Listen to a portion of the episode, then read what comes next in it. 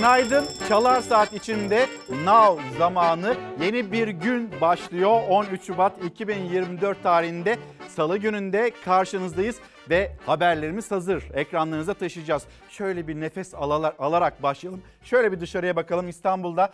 Nasıl bir gün bekliyor bizleri acaba? İstanbul'da bulutlu, zaman zaman yağışlı bir gün olacak ve şimdi now zamanı derken yeni günde Çalar Saat'te hangi haberleri konuşacağız ya da hangi başlık altında konuşacağız onu da bir hatırlatalım. Sosyal medya adreslerimiz zaten ekranlarınızda ve biz bugün daha düne kadar bu başlık altında konuşacağız ve finansal hafıza kaybını bir hatırlayacağız. O ne demek acaba ve finansal hafıza kaybının sık belirtileri nedir? Sonra ilerlerse ne olur? Başımıza bir iş gelir mi gelmez mi? Bunun değerlendirmesini sizlerden isteyeceğiz. 5 sene önce peynirin fiyatı neydi hatırlayan var mı? Şu anda ekran karşısında olup da 5 sene önce peynirin fiyatı neydi? Domatesin fiyatı neydi? Biberin, patatesin fiyatı neydi hatırlayan var mı? Ama şu söz kimsenin aklından, hafızasından çıkmıyor. 2018 seçimleri öncesinde Cumhurbaşkanı Erdoğan demişti ki şu kardeşinize yetkiyi verin enflasyonla, pahalılıkla, faizle, onunla bununla, şunla nasıl mücadele edilirmiş görün, göreceksiniz demişti. Ve şimdi daha düne kadar fiyatlar neydi? Şu anda nedir acaba? Ekonomist e, Kerim Rota Kendisiyle birlikte züccaciye dükkanına giren fili konuşacağız. Bu hafta Oksijen gazetesindeki köşesinde 5 sene önceki fiyatları sonra finansal hafıza kaybını işledi. Bizler de birlikte gelin bir konuşalım bakalım fiyatları hatırlayan var mı yok mu dedik. O zaman şöyle yapalım. Neye zam geldi? Her şeye zaten zam gelmeyen bir şey kalmadı. Saatler 8.01'i gösterirken Yeni gelen zamdan ben bir söz edeyim. Önce motorin en son olarak ne oldu? Ne kadar zam geldi? 2 lira 56 kuruşluk bir zamdan söz ediyoruz motorinde. Dev bir zam var şu anda karşımızda. Şimdiki fiyatına bakalım. Var mıdır hatırlayan hemencecik bir yazabilir mi bizlere 2019 yılında motorinin fiyatı neydi acaba? Şok oldum inanın şok oldum. Motorine 2 lira 55 kuruşluk dev zam geldi. Motorinin litre fiyatı Cumhuriyet tarihinin zirvesini gördü. Litresi 45 liraya aştı, 50 liraya koşmaya başladı. Rezalet. Yani böyle bir zam şekli yok. Başka bu hükümet ne yapabilir ki? Fakirin cebine elini sokmuş hortum gibi çekiyorlar ondan sonra saltana sürüyorlar. Ham petrol fiyatları son bir haftada yükselişe geçti. Dövizdeki hareketlilik de akaryakıt fiyatlarının artışını hızlandırdı ve araç sahipleri için kötü haber gecikmeden geldi. Eskiden kuruş kuruş geliyordu. Şimdi bakıyorsun 1 lira 2 lira öyle zam gelmiş oluyor. Yetişemiyoruz maalesef. Takvimler 13 Şubat'a döndüğü an akaryakıt istasyonları zamlı tarifeye geçti. Motorin 2 lira 55 kuruş zamlandı. 1430. Nasıl bir rakam? E, yüksek tabii. Daha önce bu kadar aldığınızda ne kadar tutuyordu? Yani 700-800 falan yazıyordu. Yarım Evet, depo mu doldurdunuz? Şu an yarım 1400. depo. Aynen neredeyse yarım depo. Dev zamla birlikte İstanbul'da motorinin litresi ortalama 44 lira 30 kuruşa, Ankara'da ortalama 45 lira 6 kuruşa, İzmir'de ise ortalama 45 lira 27 kuruşa yükseldi. 600 lira tuttu. Az aldınız. da. Evet az aldık. Maalesef ekonomik koşullar bunu gerektiriyor. Akaryakıttaki vergileri indirmiş olsalar insanlar amacına göre ulaşımına daha kolay erişebilecekler. Ama maalesef ülkemizde benzine uygulanan vergi yükü oldukça yüksek. Halk olarak da biraz da zorlanıyoruz açıkçası. Ortalama 55 litrelik bir depoya sahip aracın deposu düne göre 140 lira daha fazlaya doluyor artık. Ancak motorin fiyatları yalnızca araç sahiplerini de etkilemiyor. Tarladan nakliyeye, ulaşıma tüm alanlarda önemli maliyet kalemi olduğu için motorindeki zam iğneden ipliğe her şeye zam demek aynı zamanda. Vergiler çok yüksek. Devlete çalışıyoruz. Sadece yakıt değil her şey pahalı. Yemek olsun, gıda olsun, Antalya'da bu arada kelimenin tam anlamıyla bir felaket yaşandı ve e, okulların tatil olduğu ilçeler var. Onları da söyleyelim. Aksu, e, Döşeme Altı, Konyaaltı, Kepez ve Muratpaşa ilçelerinde okullar tatil edildi. Yeni günün sıcak gelişmesi bu da ekranlarınızda olsun. Görüyorsunuz araçlar, görüyorsunuz sokaklar. Şiddetli yağış nedeniyle Antalya'da 5 merkez ilçede bugün okullar tatil edildi. Araçlar içinde mahsur kalanlar var. Araçlarının araçların farlarının da yandığını da görüyorsunuz sizlerde. Yeni notları var. Birazdan onu da ekranlarınıza taşıyacağız. Şimdi 2019 yılı, 2023 yılı ve 2024 yılı Şubat aylarına bakacağız ve Şubat aylarındaki rakamlar finansal hafıza kaybıyla devam edelim isterseniz. Memleket havasına döneceğiz. Tekrar söyleyelim. 2019 yılında buyurun Hatırlayan var mı? Doların 5 lira 30 kuruş olduğunu hatırlayan var mı? Yoksa çoktan unuttuk mu acaba? Euro 5 lira 99 kuruştu. Altının gram altın işte buyurun 227 lira 40 kuruş. Benzin 6 lira 38 kuruş. Motorin 6 lira 29 kuruş. Yani 50 liralık alıyorum ben hep diyenler için makul zamanlardı 2029 senesi. Şimdi mesela 50 liraya ancak 1 litre 1 litreden birazcık fazla motorin alabiliyorsunuz. Benzin alabiliyorsunuz. 2023 yılı yine hatırlatalım. Bakın bir yılda bile fiyatlar ne kadar katlandı ve deniliyor ki 1 Nisan 2024 tarihi itibariyle inanılmaz bir zam furyasıyla ve zam yağmuruyla karşı karşıya kalacağız.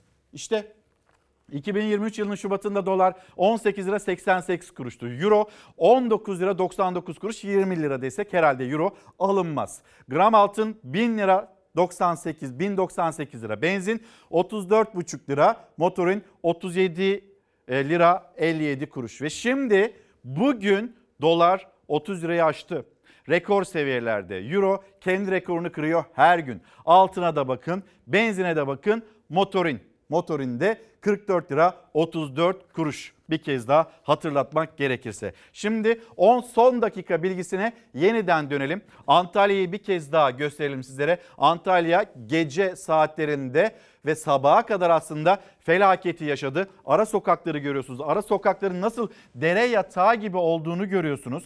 Yine bu e, suların içinde hem de yollarda mahsur kalan araçlar var. Aksu, Döşemealtı, Konyaaltı, Kepez ve Muratpaşa ilçelerinde okulların tatil olduğunu söyleyelim. Yeni gün ve yeni günün sıcak gelişmelerinden birisi bu ve Antalya'nın notlarını geniş bir şekilde birazdan ekranlarınıza getireceğiz, taşıyacağız. Ve yine memleket haberleri diyeceğiz. Memleketten kaza haberleri. Tur otobüsü kaygan zeminde kontrolden çıktı, aydınlatma direğine çarptı. Katar ve Endonezya'dan turistlerin bulunduğu otobüste biri ağır 10 kişi yaralandı. Bursa'nın Osman Gazi ilçesi Panayır Mahallesi İstanbul Caddesi'nde meydana geldi. Kaza tur otobüsü yağışlı havada kontrolden çıktı. Beton aydınlatma direğine çarpan otobüste çok sayıda turist vardı. Katar ve Endonezya uyruklu 10 kişi yaralandı. Yaralılar çevre hastanelere kaldırılırken polis olayla ilgili inceleme başlattı. Atom vurdu. Düzce'de sürekli kazaların yaşandığı kavşakta yine bir kaza oldu. 5 kişi yaralandı. Mahalleli daha önce önlem alınmasını istediği bölgede bir kaza daha meydana gelince sokağa döküldü. Protestoda ipin ucu kaçınca polis müdahalesi geldi. Arkadaşlar bu tarafa gelin. Bu tarafa gelin. Çamköy bağlantı yolunda otomobil kavşakta at arabasına çarptı. Yaralılar hastaneye kaldırıldıktan sonra mahalleli sokağa döküldü. 500'e yakın insan yolu trafiğe kapadı. Olayı bilmeden yola giren otomobillere taşlarla saldırdılar. Gelip geçenler var. İşe yetişmek isteyenler var. Hasta olanlar var. Düzce Emniyet Müdürü dahil çok sayıda ekip bölgeye gelerek öfkeli mahalleli evlerine göndermeye çalıştı. Kısa süren gerginliğin ardından olaylar yatıştırıldı. Kavşakta başka kazalar yaşanmaması için kasis ve sinyalizasyon çalışması yapılacağı açıklandı. Yağış yüzünden kayganlaşan yolda kontrolden çıktı. Takla atan aracın sürücüsü yaşamını yitirdi.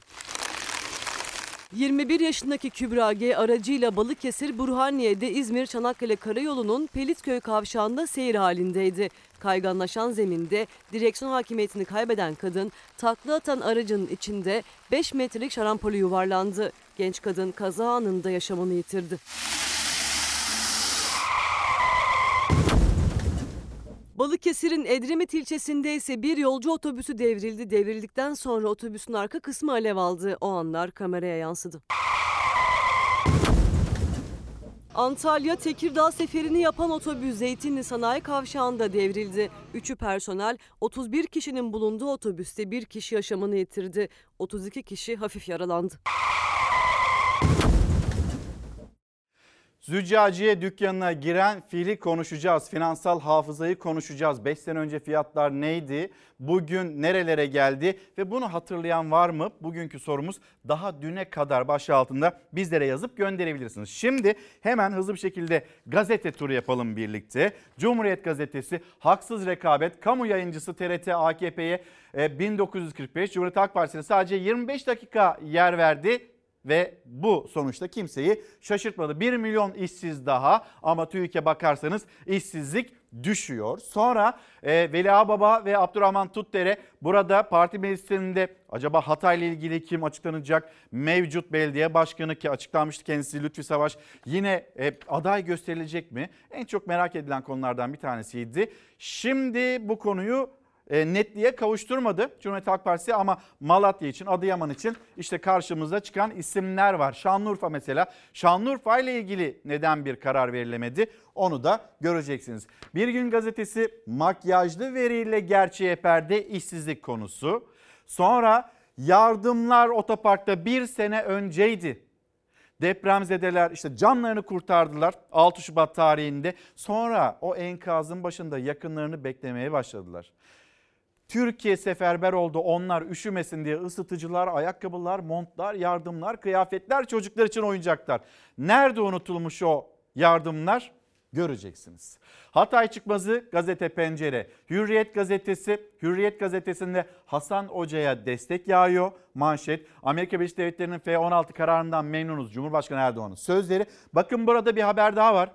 9. cesette dövme detayı. Bunu büyütelim mi? Yönetmenimizden Şeynaz Ersoy'dan bir rica edeyim. E, Hürriyet gazetesinde yer alan o haber ve yine Antalya'da kalalım. Antalya felaketi yaşadı dedik. Son dakika bilgilerini verdik. Şimdi Antalya'da Konyaaltı sahil açıklarında bir ceset daha bulundu. 25-30 yaşlarında erkek cesedinden kimlik çıkmadı ama bir dövme detayı var. Ee, üst kısmı çıplak cesedin bileğinde Mustafa Kemal Atatürk yazılı dövme dikkat çekti. Antalya sahiline bir süredir cesetler, cansız bedenler vuruyor. Neden oluyor bu? İşte polis onu araştırıyor.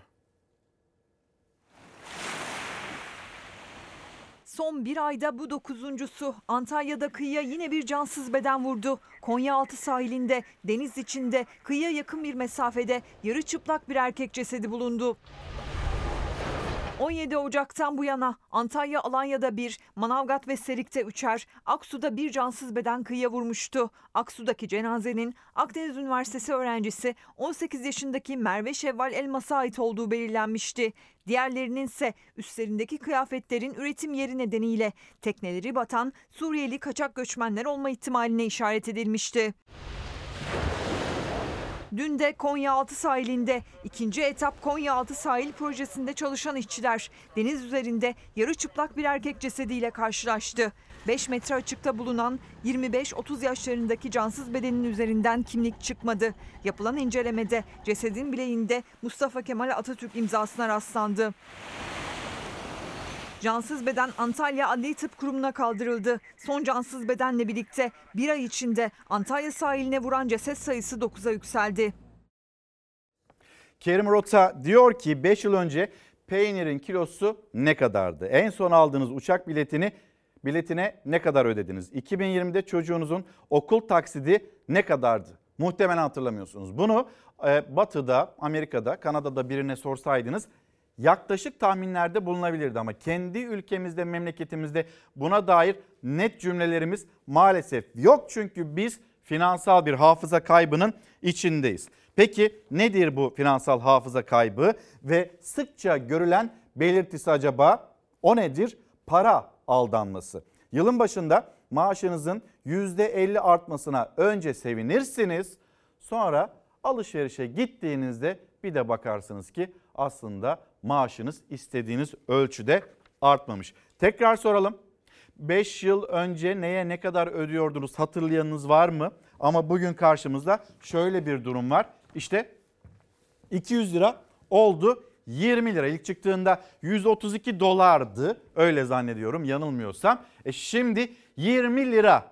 200 lira dediğinizde 20 liralık bir alışveriş eskiye göre. Bu aklınıza gelsin. Daha düne kadar ne kadar kıymetliydi?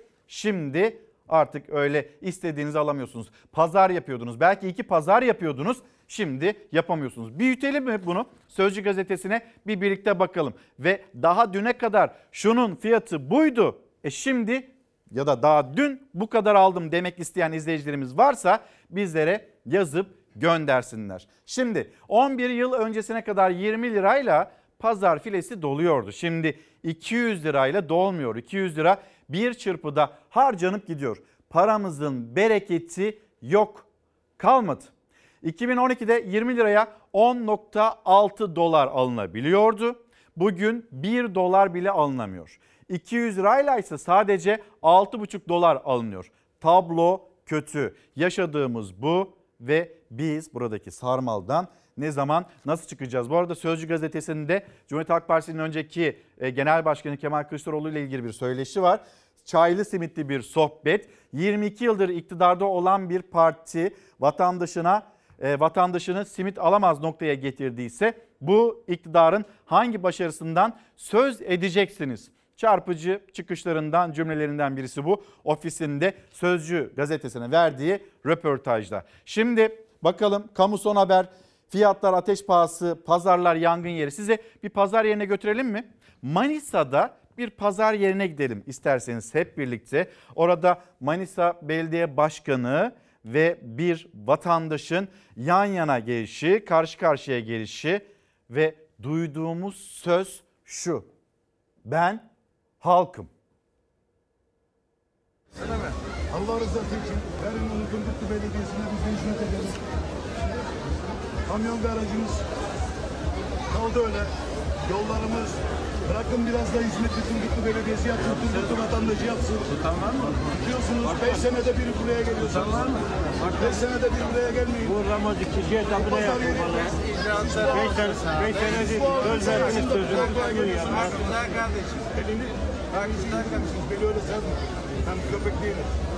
Tamam mı? Bu halka hizmet yapın. Bu halka... Arkadaş provokatörlüğe Yok ben öyle bir insan değilim. Herkes beni biliyor. Turgutlu biliyor. burada. Turgutlu biliyor. Ha, açıkla. Turgutlu biliyor beni. Tamam. Ben program yapmam öyle. Öyle bir huyum da yok. Ne yapıyorsun şu anda? Bugüne kadar beni duydun mu böyle bir şey yaptın? Ne yapıyorsun anda? Hakkında böyle konuşuyorsun. Mezarlığınızı vermeyeceğim. Tamam mı? Mezarlığınızı vermeyeceğim. Ben belediye değilim. Sensin belediye. Sami. O zaman ne istiyorsun sen? Ben halkım. Ben vatandaşım. ne var mezarlık? Vereceksin. Biz de hizmetimizi Ne var mezarlık? Gidip de düzgün bir duamızı edemiyoruz. Pazardan mesaj vermek öyle kolay değil. Esnafın arasına çıkmak o kadar kolay değil. İşte vatandaş ve vatandaşla karşılaşmada. Şimdi biz Manisa'yı gördük. İstanbul'a bakacağız. İstanbul'da Murat Kurum e, İstanbul'un mevcut yönetiminin başarısızlığını anlatırken kendi döneminde bakanlığı sürecinde TOKİ ile ilgili neyi başardı neyi başaramadı bu sorular karşısına çıktı. Ve bu sorular gittiği her yerde de Murat Kurum'u takip ediyor. İstanbul'a bakacağız, esnafla buluşmalara bakacağız, Ankara'ya bakacağız. Ankara'da mesela Turgut Altınok, Mansur Yavaş'ın e, rakibi Cumhur İttifakı'nın adayı dedi ki Allah'ın verdiği sudan para mı kazanılır canım? Belediye de buradan para almasın. Peki e, yine ekonomist Özgür Demirtaş da şunu söyledi. Allah'ın verdiği sudan vergi alıyorsunuz ya KDV hani onu niye söylemiyorsunuz? Yani bir takım sözler var. E, yerine gelmeyen ya da isabetli olmayan sözler cümleler var. Seçimin arifesinde seçimden sonra başımıza neler gelecek acaba? Fiyat anlamında, etiket anlamında ya da şu anda çarşıda, pazarda gördüğünüz isimleri koltuk sahibi olmak isteyenleri ya da olanları bir daha bulabilir misiniz diye ben bir sorayım. Daha düne kadar başlığımız tekrar hatırlatayım. Şimdi devam edelim.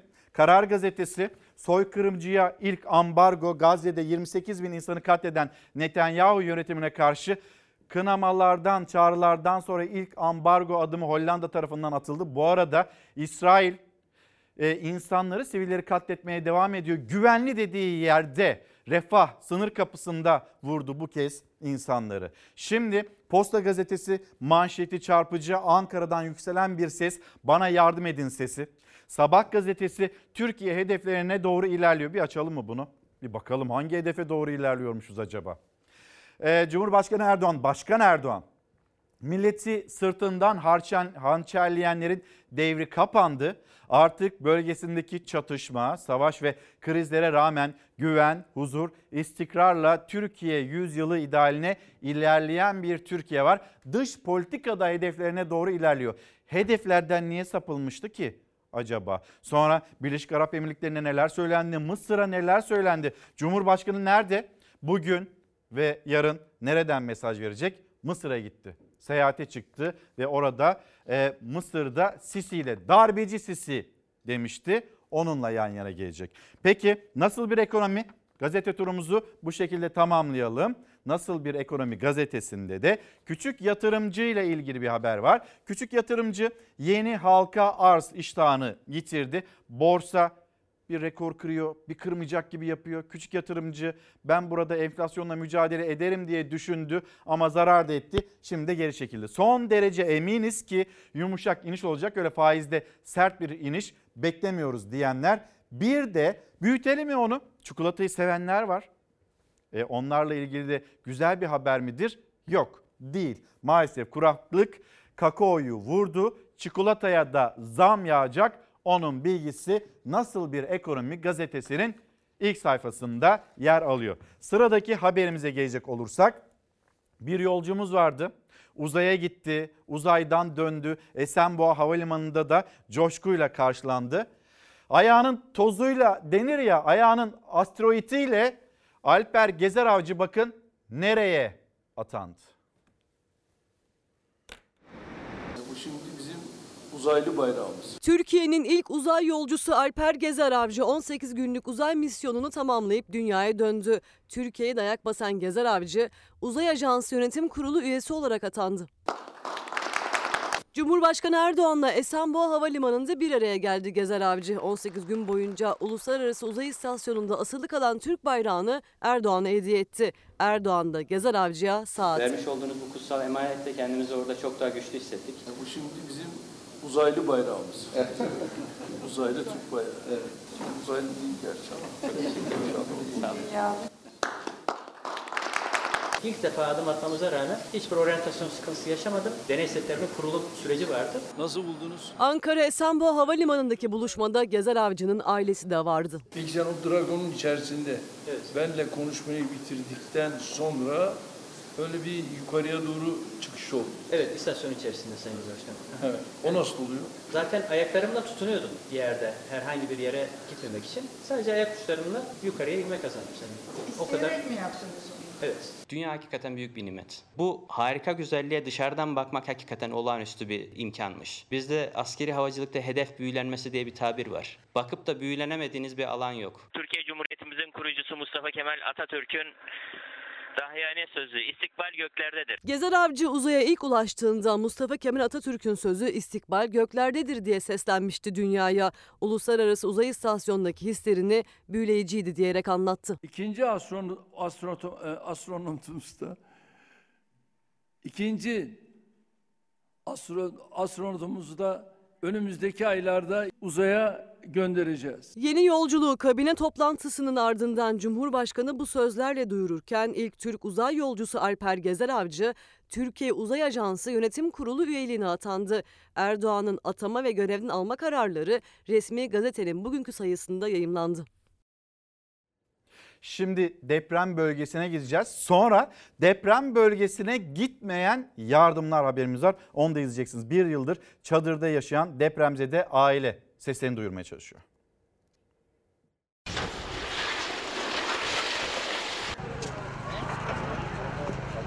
Elektrik vermiyorlar. Elektrik olmadan kışın durulur mu konteynerde? İşte durulmaz, ışık da olmadan durulmaz, ısınmaz, donacaklar çocuklar. 10 ay konteyner beklediler, Aralık ayında konteynerlerine kavuştular. Ama hala çadırda kalmak zorundalar. Çünkü konteynere elektrik bağlanması için proje çizdirilmesi gerekiyor. Depremzedelerin bunu karşılayacak gücü yok. Bir çadır kurdurduk. Yaşamaya başladık bu zamana kadar. İlk başta su battı yatakların üstünde yataklarımız, yastıklarımız hepsi sular içinde kaldı. Kuruttu. Yazın zor geçirebildik çadırın altında, sıcağın altında. Soğukta zaten çocuklar hastalıklarla git gel hastaneye inan ki duramadık. Hatay Samandağ'da yaşadıkları bina yıkıldı. Çadırda yaşamaya başladı dört çocuklu Güzey ailesi. Defalarca konteyner için başvurdular ama kira yardımı aldıkları için aylarca konteyner verilmedi aileye. Zor zor alabildik o konteyneri. Neymiş kira yardımı alınmış. Konteyneri istiyoruz. Biz istemiyoruz. Ne kira yardımı ne bir şeyimizi. Çadırdan kurtulalım diye. Güzey ailesi bir yıldır çadırda kalıyor. Aralık ayında kaldıkları çadır yandı. Yanına derme çatma başka bir çadır yapmak zorunda kaldılar. Aslında bekledikleri konteynere de kavuştular ama ona da elektrik bağlanmadığı için içine girip oturamıyorlar. Onlar hala çadırda yaşam savaşı veriyor. Elektrik ten dolayı şahse yapmış bilmiyorum soba. Yanıyor çadır çok şükür kendi çabamızla söndürdük onu. Güzey ailesi çadırları yandıktan sonra konteynere kavuştu. Ama binbir güçlükle kavuştukları o konteynerde yaşayamıyorlar. Bir yıldır çadırda sürdürüyorlar hayatlarını. Elektrik projesi çizdirebilirlerse daha iyi şartlarda yaşayabilecekler. Proje istiyorlarmış konteynere. Konteynere proje yapılır mı sizce? Şimdi de İstanbul Üsküdar'dayız. Üsküdar Belediyesi'ne depremzedelere ulaşsın diye verilen kıyafetler, ayakkabılar, ısıtıcılar, oyuncaklar. Onlar neden hala o depoda? Deprem için toplanan yardımların burada tutulduğunu görüyoruz. Bir yıl geçmesine rağmen. İşte deprem bölgesine gönderilmesi gereken ama bir senedir yerinden kıpırdatılmayan öylece bırakılan yardım kolileri.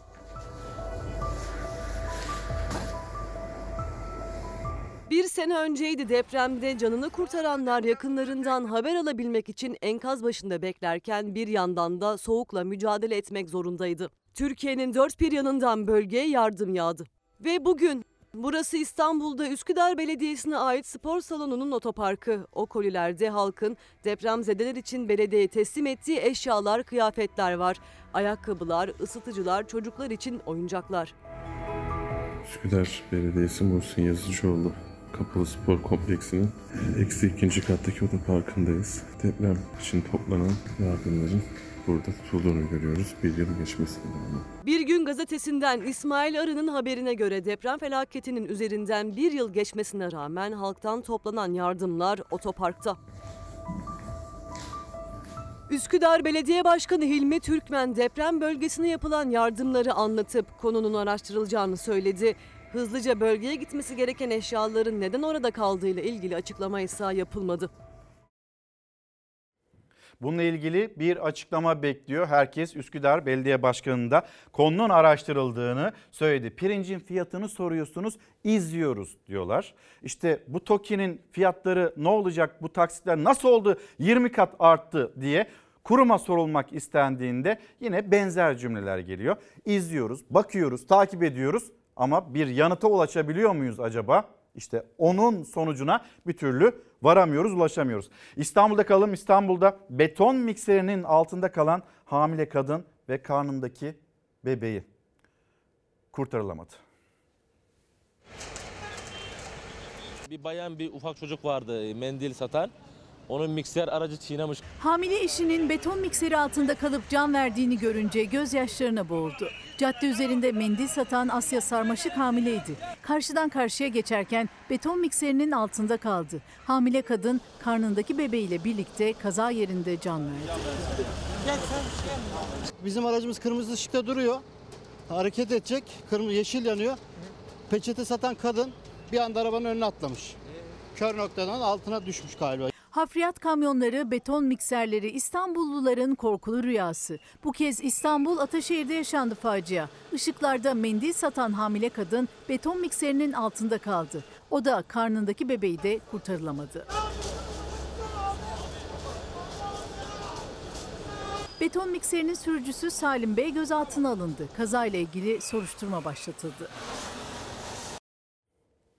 Allah rahmet eylesin. Şimdi Erzurum'dayız. Erzurum'da da bir babanın panik anlarına tanıklık edeceksiniz. Bir buçuk yaşındaki Göktuğ bebek araçta mahsur kaldı. Gel bakayım hele.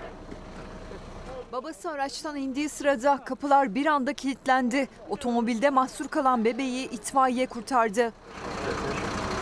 Erzurum'da Gökhan Barutçu eczaneden ilaç almak için otomobilini sokağa park etti. Kapıyı kapatıp aracın diğer tarafına geçti. Yan koltukta yatan bebeğini kucağına alacağı sırada kapılar aniden kilitlendi. Bir buçuk yaşındaki Göktuğ bebek araçta mahsur kaldı. Baba Gökhan Barutçu kapıları açamayınca itfaiye ekiplerini çağırdı. Olay yerine gelen ekipler bebeği kurtarmak için arka camı kırmak zorunda kaldı. Keyfi yerinde babası al. Oğluna sağ salim kavuşan baba Gökhan Barutçu derin bir oh çekti. Emekliye acaba neden bir kaynak ayrılmıyor? Emeklinin yüzü neden gülmüyor, güldürülmüyor diye soran izleyicilerimiz var.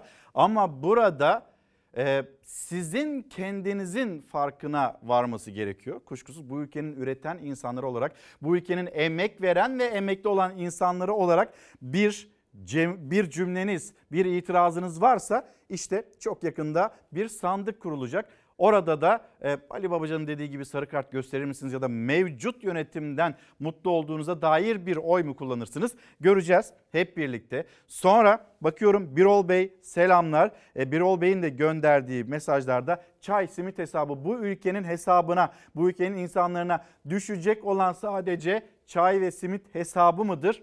itirazını anlatıyor. Devam cümleleri de var. Bakarız hep birlikte. Daha düne kadar başlığı altında konuşuyoruz. Finansal hafıza kaybına dair böyle bir zihin, beyin jimnastiği yapmak istiyoruz. Bir mola verelim. Döndüğümüzde bugün beraberiz. Bugün bol bol konuşacağız. Daha düne kadar başlığı altında. Daha düne kadar şu şu kadardı. Şimdi e, bu kadar aldım dediğiniz ürünleri söyleyin. İşte daha düne kadar 200 lira 200 liraydı. Şimdi o 200 lira 20 lira oldu. Sözcü gazetesi de bunu söylüyor. Bir mola verelim. Döndüğümüzde çok hızlı bir şekilde Türkiye turu yapacağız. Sonra da haberlerimiz izleyeceksiniz. Günaydın bir kez daha. Şimdi hava durumu, sonra sokaklarda yaşananlar, patlayan silahlar, siyasette olanlar, ekonomideki son veriler, rakamlar karşımızdaki finansal hafıza kaybımız. Bunu konuşacağız hep birlikte. Başlayalım ve Antalya'ya geçmiş olsun diyelim.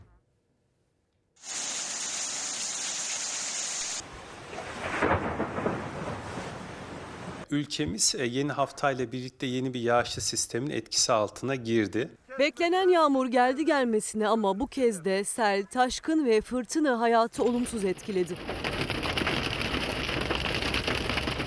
Antalya'da şiddetli yağış nedeniyle yollarda su birikintileri oluştu. Sağanak sel ve taşkınlara neden oldu. Dün başlayan ve gece saatlerinde şiddetini artıran sağanak nedeniyle 5 merkez ilçede okullar tatil edildi. Antalya Valiliği olumsuz hava koşulları nedeniyle Aksu, Döşemealtı, Kepes, Konyaaltı, Muratpaşa ilçelerinde bugün eğitime ara verildiğini açıkladı.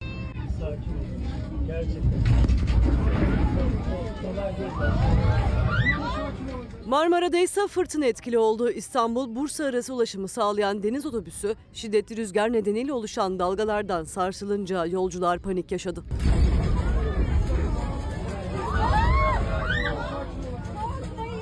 Yolculara sakin olun çağrılarının yapıldığı seferde korku dolu anlar cep telefonu kamerasıyla böyle görüntülendi. İzmir'in Çeşme ilçesinde de aniden bastıran sağanak sonrası cadde ve sokaklar göle döndü. Sağanak yağışın ardından başlayan dolu Çeşme'ye beyaza bürüdü. Bodrum'da etkili olan fırtına nedeniyle karaya vuran dalgaların boyu 3 metreyi aştı. Trakya'da da sağanak yağış etkili oldu. Edirne ve Kırklareli'de etkili olan yağmura vatandaşlar hazırlıksız yakalandı. Çanakkale'de dün sabah saatlerinde başlayan sağanak nedeniyle Kepes çayı taştı. Merkeze bağlı Kirazlı köyünde de bir dama yıldırım düştü. Yıldırım düşmesi sonucu 2000 balya saman yandı. Ahırda bulunan 29 büyükbaş hayvan yangından son anda kurtarıldı.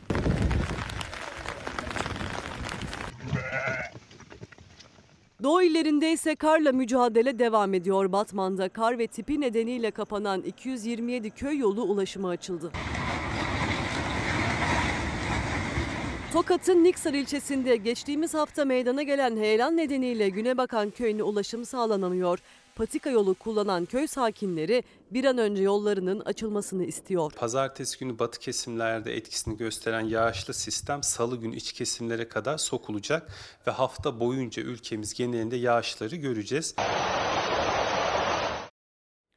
Yerel gazetelerde, ulusal gazetelerde manşette Adana Büyükşehir Belediyesi'nin içinde işlenen o cinayet. Sıfır negatif kan var mı? Gelmiş orada konuşmuş. Ayrılırken kusura bakma demiş sıkmış. Kendi personelimiz bizi yıllardır çalışan personel yani. Adana Büyükşehir Belediyesi'nde silah sesleri yankılandı. Belediye işçisi Mikail G. Belediye Başkanı Zeydan Karalar'ın özel kalem müdür vekili Samet Güdük'ü hedef aldı. Güdük 3 kurşuna ağır yaralandı. Kaldırıldığı hastanede yaşam mücadelesi verirken acı haberini Zeydan Karalar yeri hiç dolmayacak diyerek duyurdu. Gözaltına alınan saldırgansa ilk ifadesinde dolandırıldığını iddia etti. Beni dolandırdı. Bundan dolayı vurdum. Bizim işe aldığımız birisi. Karısı kovmuş evden. Geldi bana yalvardı. De karımla konuş dedi. Beni işe al dedi. Ben karısıyla konuştum. Dedim ki sen işini işe alacağız. Kovma adamı. İşe aldık. Böyle bir şey aklımızdan ucundan geçmez. Mikail G. Adana Büyükşehir Belediyesi'ne bağlı halk ekmek çalışanı. Dün sabah saatlerinde daha önce birkaç kez daha ziyaret ettiği özel kalem müdür vekili Samet Güdük'ün makam odasına gitti. Silahını çekti, üç el ateş etti. Ayrılırken kusura bakma demiş sıkmış. Personel olduğu için de kimse üstüne arama gereği duymamış.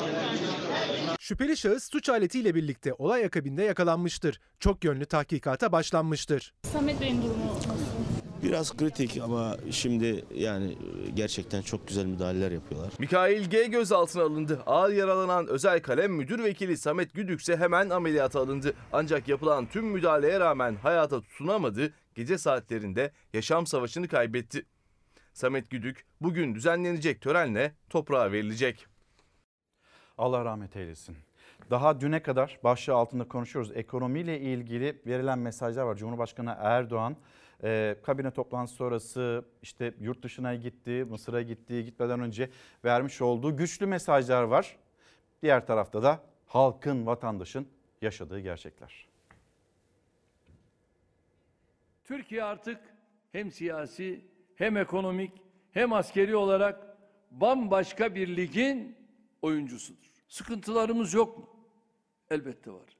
Bu sıkıntıların bir kısmı küresel ve bölgesel krizlerin yansımaları, bir kısmı da ayağımıza takılan çelmelerin bedelleridir. Türkiye yaşadığı onca sıkıntıya, onca zor imtihana rağmen hamdolsun sıkıntılarının hepsinin üstün, üstesinden gelecek programa, imkana, en önemlisi de kudrete sahip bir ülkedir. Yolumuza devam ettik, devam edeceğiz. Ne enflasyon ne bir başka gayretler bizi çökertemez, çökertemeyecek. Mahalli idareler seçimlerini ülkemizi tökezletmenin aracı haline dönüştürme hayali kuranların inşallah yine heveslerini kursaklarında bırakacağız.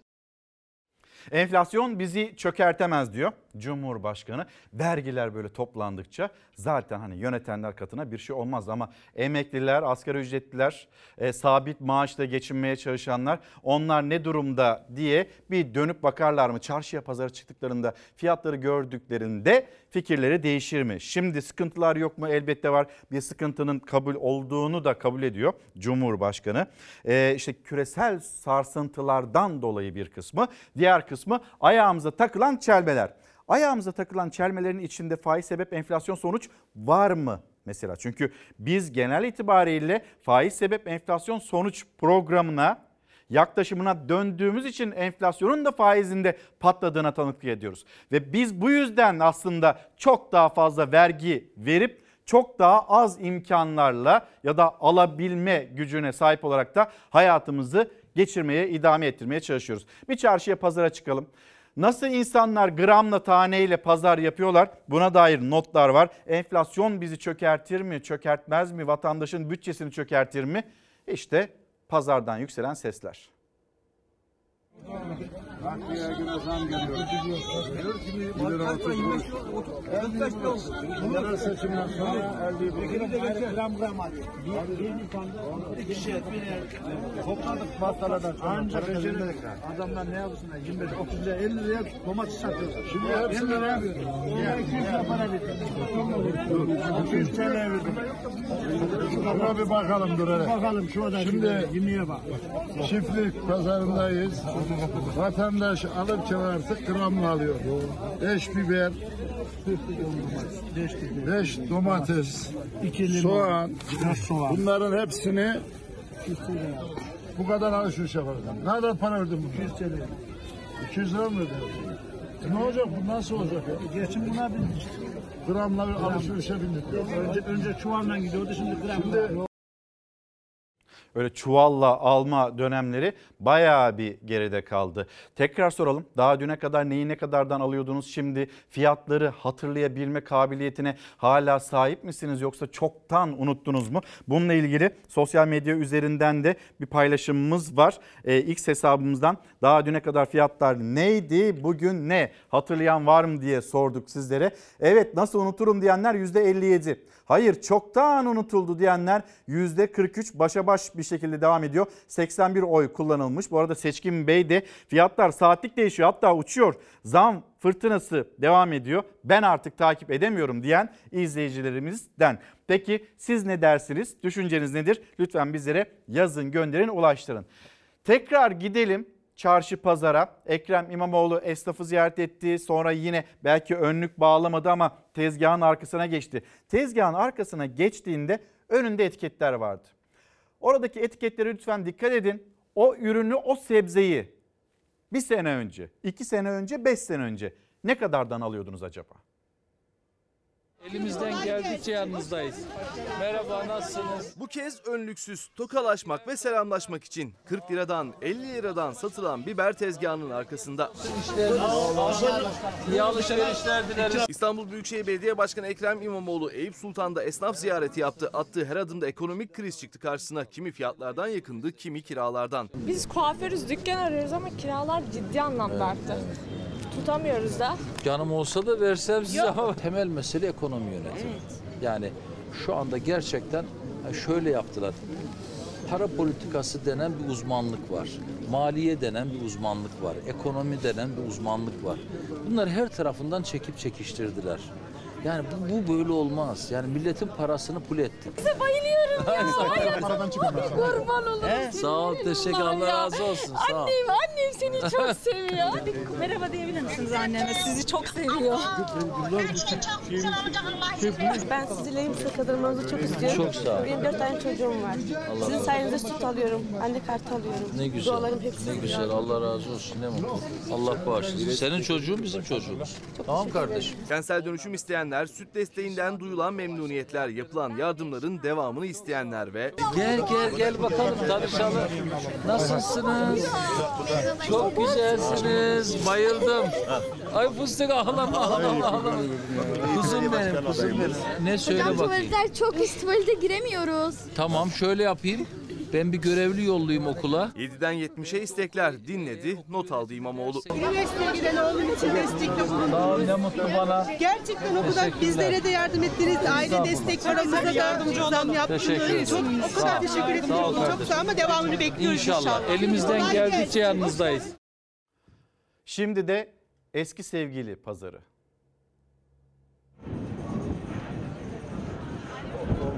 Bu tezgah başka tezgah. Eski sevgili pazarı burası. 14 Şubat'a az bir zaman kala eski sevgililerinin eşyalarını satmak isteyenler aynı pazarda buluştu. Kız arkadaşımla birlikte e, internette gördük, e, Instagram sayfalarında gördük böyle bir pazar kurulacaklarını. Kendimizdeki diğer ilişkilerimizden kalan eşyaları biriktirmişiz bir şekilde evde kalanları da toplayarak buraya geldik ve satış yapmaya başladık. İstanbul Nişantaşı'nda kuruldu eski sevgili pazarı. 14 Şubat Sevgililer Günü öncesi eski sevgililerinin eşyalarını atmayı bir türlü başaramayanlar pazarın yolunu tuttu. Stand açmak isteyen de eski sevgili pazarına alışveriş yapmaya gelen de çok oldu. Bayağı bir e, insan başvurdu. Tabii alanımız çok kısıtlı. Çok herkese cevap veremesek de yaklaşık bir e, 20-25 tane e, eski sevgilisinin eşyasını satmak isteyen insanı kabul ettik bu yıl ama e, ziyaretçi sayısı çok fazla. Evet bayağı iyi buldum.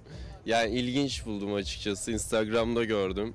Kendim de bir şeyler getirmek istedim ama hemen böyle satabilir miyim emin olamadım yani açıkçası. Küçük objeler var. Ben zaten böyle şeyleri hep atıyorum yani. Birkaç tane atamadığım var. Şu an daha da sadeleşmeye gittiğim için getirebilirim. Kurşun asker var, tarihi bir şey. Gidebilir hoş. Pantolon, çanta, kitap, cüzdan ya da eski sevgiliyle kahve içilen günlerden kalma bir fincan. Hepsi var standlarda. O eşyaların yanına ilginç notlar da iliştirildi. Notların bir kısmını biz birlikte yazdık kız arkadaşımla. Ee, bazı ürünler de arkadaşlarımızın eski ilişkilerinden kalan ürünler. Onlar da notlarıyla birlikte bize iletti. Biz de burada tezgaha satışa koyduk. Gelip burada e, eski sevgili pazarını gezip hem ürünleri görüyorlar hem fikir alıyorlar hem de e, almak istedikleri eşya varsa da bunları alabiliyorlar hem de değerlendirebiliyorlar. İşletmenin genel müdür yardımcısı Özay Akar'a göre bir faydası daha var eski sevgili pazarının. Ayrıca e, bir, burası bir sosyalleşme alanı olduğu için sosyalleşme imkanı da sağlayıp sevgilisi olmayanlara da bir sevgili bulma imkanı da yaratıyoruz diyebilirim. Şimdi yeniden molaya gideceğiz. Molaya giderken de güzel bu ülkeye bizlere iyi de gelecek bir haberi paylaşacağız. Çünkü şampiyon Türkiye Bulgaristan'da düzenlenen Avrupa Halter Şampiyonası'nda kadınlar 45 kiloda Cansu Bektaş 2 altın ve 1 gümüşle Avrupa şampiyonu Gamze Altun ise 1 altın ve 1 gümüşle Avrupa ikincisi oldu. Cansu olacak. Olacak Cansu yine oluyor. Cansu Bektaş 73 kilo. Milli halterci Cansu Bektaş kadınlar 45 kiloda koparmada 73 kilo kaldırdı. Avrupa Halter Şampiyonası'nda ilk altın madalyayı ülkemize kazandırdı. İstiklal Marşımızı dinleterek büyük gurur yaşattı.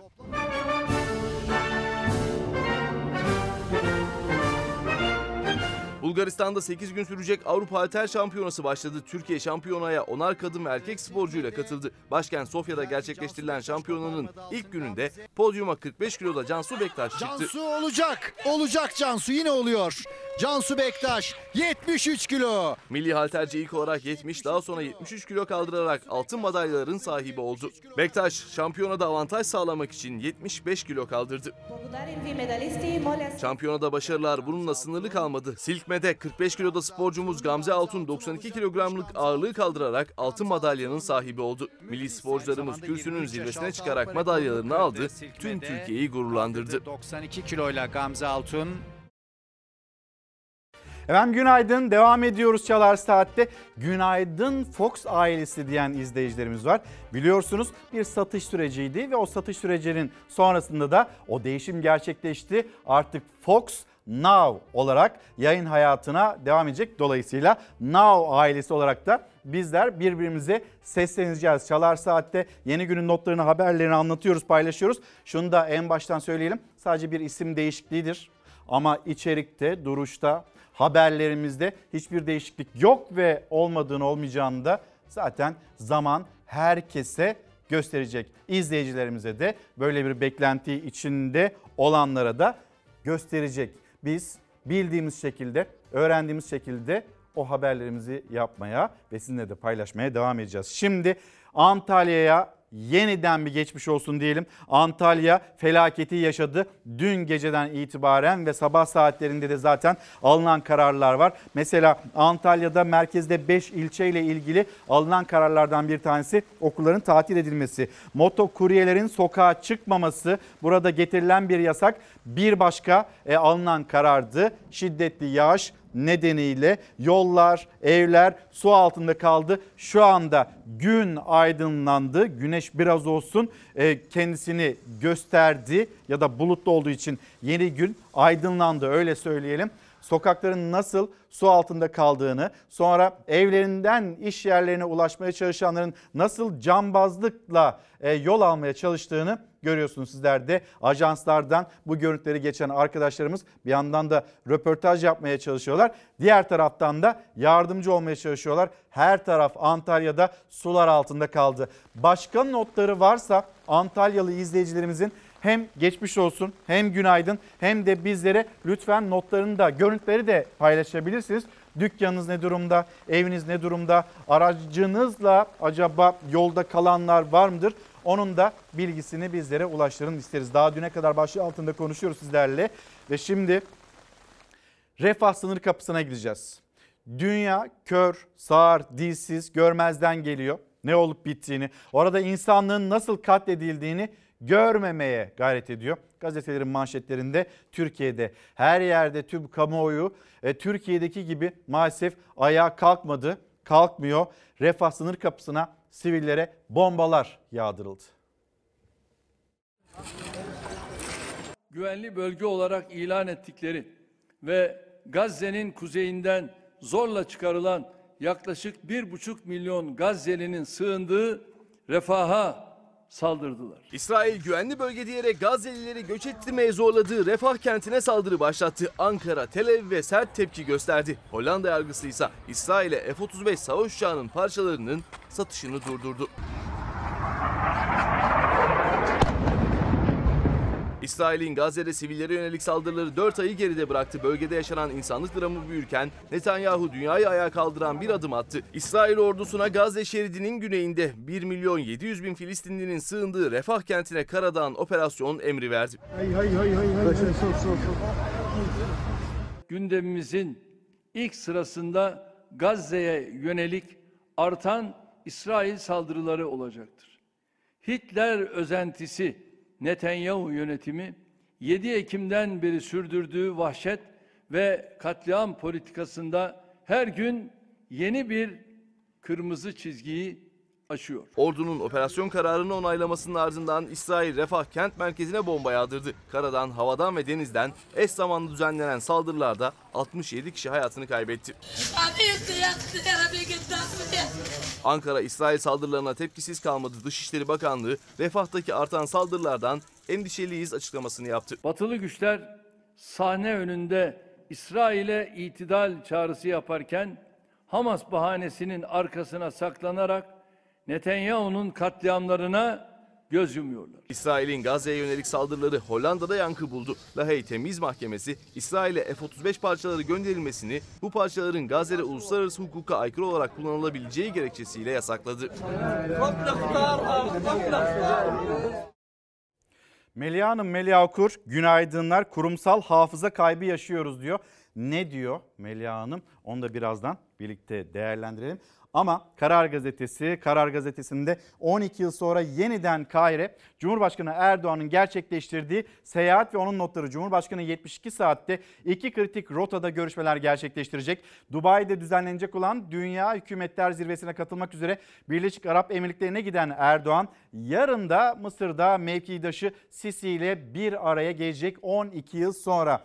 Mısır'a Sisi'ye darbeci denilmişti. Birleşik Arap Emirlikleri'ne 15 Temmuz'un finansörü denilmişti. Hatırlayacaksınız şimdi dış politikada bambaşka bir yerde Türkiye öncesinde neler oldu, neden öyle oldu o da bir başka tartışma konusu. Şimdi bunu aldığımızda hani hatırlayacaksınız yine bir seçimin arifesinde 2019 seçimlerinin arifesinde Binali Yıldırım'a mı oy vereceksiniz?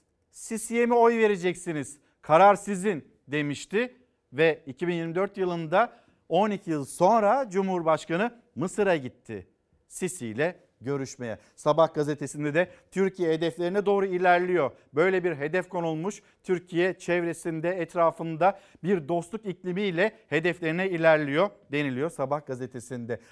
İstanbul'la ilgili haberler de var. Onlara da bakacağız. Bir siyasete gelelim. Sonra ekonomiye dönelim. Sonra birlikte konuşalım. Melih Hanım'ın bahsettiği kurumsal hafıza kaybı ne demek? Yine değerlendirmesini yapalım. Şimdi siyasette tehdit olarak görülen, algılanan cümleler var. Merkezi yönetimle yerel yönetim bir olursa, birlik olursa oraya hizmet gelir. Olmazsa yani ayrı partilerden olursa oraya hizmet gelmeze geldi iş.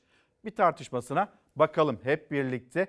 Ee, önce polemiğine sonra hani AK Parti ve MHP arasında da başka bir tartışma var. Onu da göreceksiniz. Bir gerçeği sizlere şu anda söylüyorum. Merkezi yönetimle yerel yönetim el ele vermezse o şehre herhangi bir şey gelmez. Hatay'a geldi mi? Hatay garip kaldı. Bilesiniz ki buranın belediye başkanı Cumhurbaşkanı'nın eli üzerinde olduğu sürece Zonguldak çok daha farklı yere gelecektir. Bizde CHP'li belediye başkanları gibi oy yoksa hizmet de yok diye milleti açık açık tehdit etmek olmaz. Sayın Cumhurbaşkanını, Sayın Cumhurbaşkanımızı gerçek işleriyle uğraşmayı öneriyorum, şiddetle öneriyorum. Beyaz peyniri bile sofraya koymanın lüks olduğu bir ortamda bıraksın İstanbul seçimi, yerel seçim işi bizim işimiz. Cumhurbaşkanı Erdoğan Hatay'da başlattığı, Zonguldak'ta devam ettiği oy yoksa hizmet yok çıkışını Tekirdağ'da CHP'nin üstüne yükledi. İmamoğlu'ndan Erdoğan gerçek işleriyle uğraşsın, yerel seçim bizim işimiz yanıtı geldi. Erdoğan daha önce CHP'li belediyelerin engellenmediğini de söylemişti ama yeni bir yönetmelik yayımlandı. Belediyelerin dış borçlanması gibi iç borçlanması da Cumhurbaşkanlığının onayına bağlandı. İmamoğlu kaybedeceklerini anladılar dedi. Siz bakmayın birilerinin engellendik edebiyatı yapmalarını. Belediyenin yetkilerini kısıtlayalım, şunu yapalım, bunu yapalım hamleleriyle ilgili sadece şunu söylerim.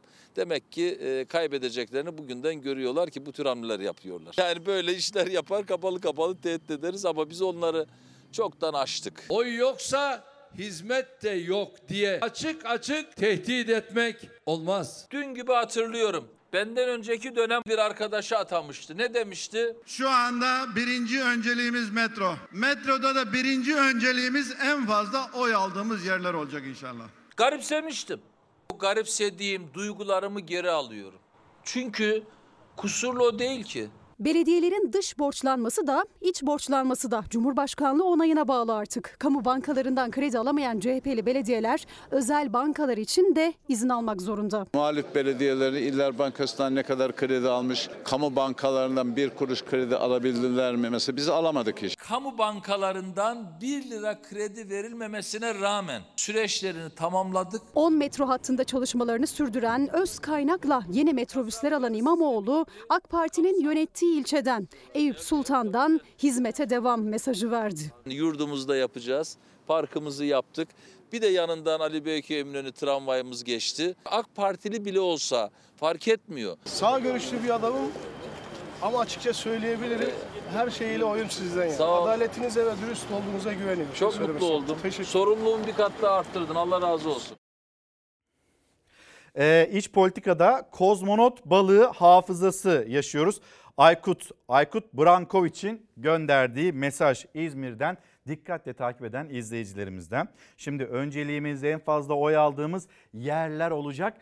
İnşallah dilekler, temenniler böyleydi. İnşallah da denilerek bu söz söylenmişti. 2024'te yeniden karşımızda gelelim. Melih Hanım'ın söylediği e, kurumsal hafıza kaybı yaşıyoruz sözlerine. Zaten finansal okur yazar değiliz. Sayı ve rakamla konuşmayı da bilmiyoruz diyor Melih Hanım. Şimdi kurumsal bir hafıza kaybı yaşıyoruz çünkü kurumlarımızı kaybettik. E, Genel itibariyle Devlet Planlama Teşkilatı finansal hafızamızı nasıl geri getireceğiz diye dönüp baktığımızda Kerim Rota'nın buna dair e, paylaşımı var. Yazısında da yer alıyor. Bunun için en iyi ilaç eski belgeleri ve alışveriş fişlerini atmamaktır. 3 yıl önceki alışverişin sararmış fişi veya 5 yıl önceki maaş bordronuz finansal hafızanızın geri gelmesine yardımcı olacaktır. Yani bir tespit var teşhisle ilgili hani hafıza kaybı yaşamayın diye de o sararmış fişleri bir bulun bakalım diyor Kerim Rota. Şöyle yapalım mı? Birazcık böyle sizi zorlayacak belki ama bir yerde tutuyorsanız hani e, büyüklerimiz bu alışkanlığa da sahiptir. Bir yerde tutuyorsanız o fişleri bir fotoğrafını çekip gönderir misiniz bize? Instagram'dan ve X'ten bir ulaştırır mısınız? Daha düne kadar fiyatlar, dün derken hani dün değil böyle bir yıl önce, beş yıl önce ne kadardı? Ayrıca dün de olabilir.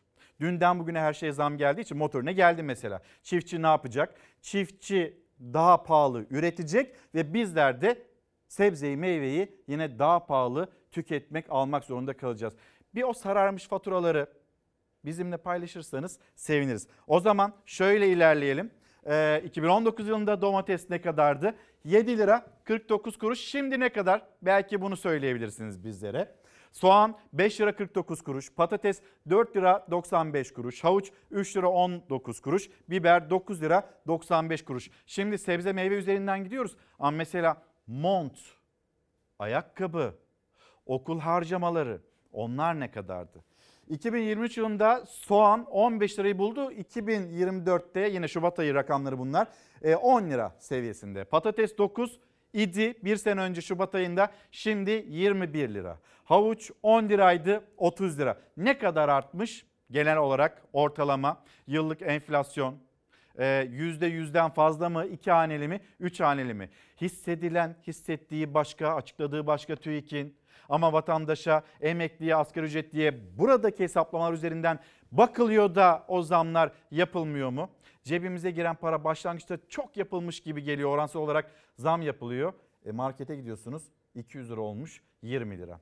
Şimdi biber 32 liraydı 2023'te bugün 58 lira 90 kuruş ama az önce Ekrem İmamoğlu'nun arkasına geçmiş olduğu bir tezgah vardı. Orada 40 liralık da biber vardı 50 liralık da biber vardı. Yani yere göre tezgaha göre hatta pazarda tezgahın yerine göre de fiyatlar değişiyor. O da aklınızın bir köşesinde olsun. Yine buradan devam edeceğiz.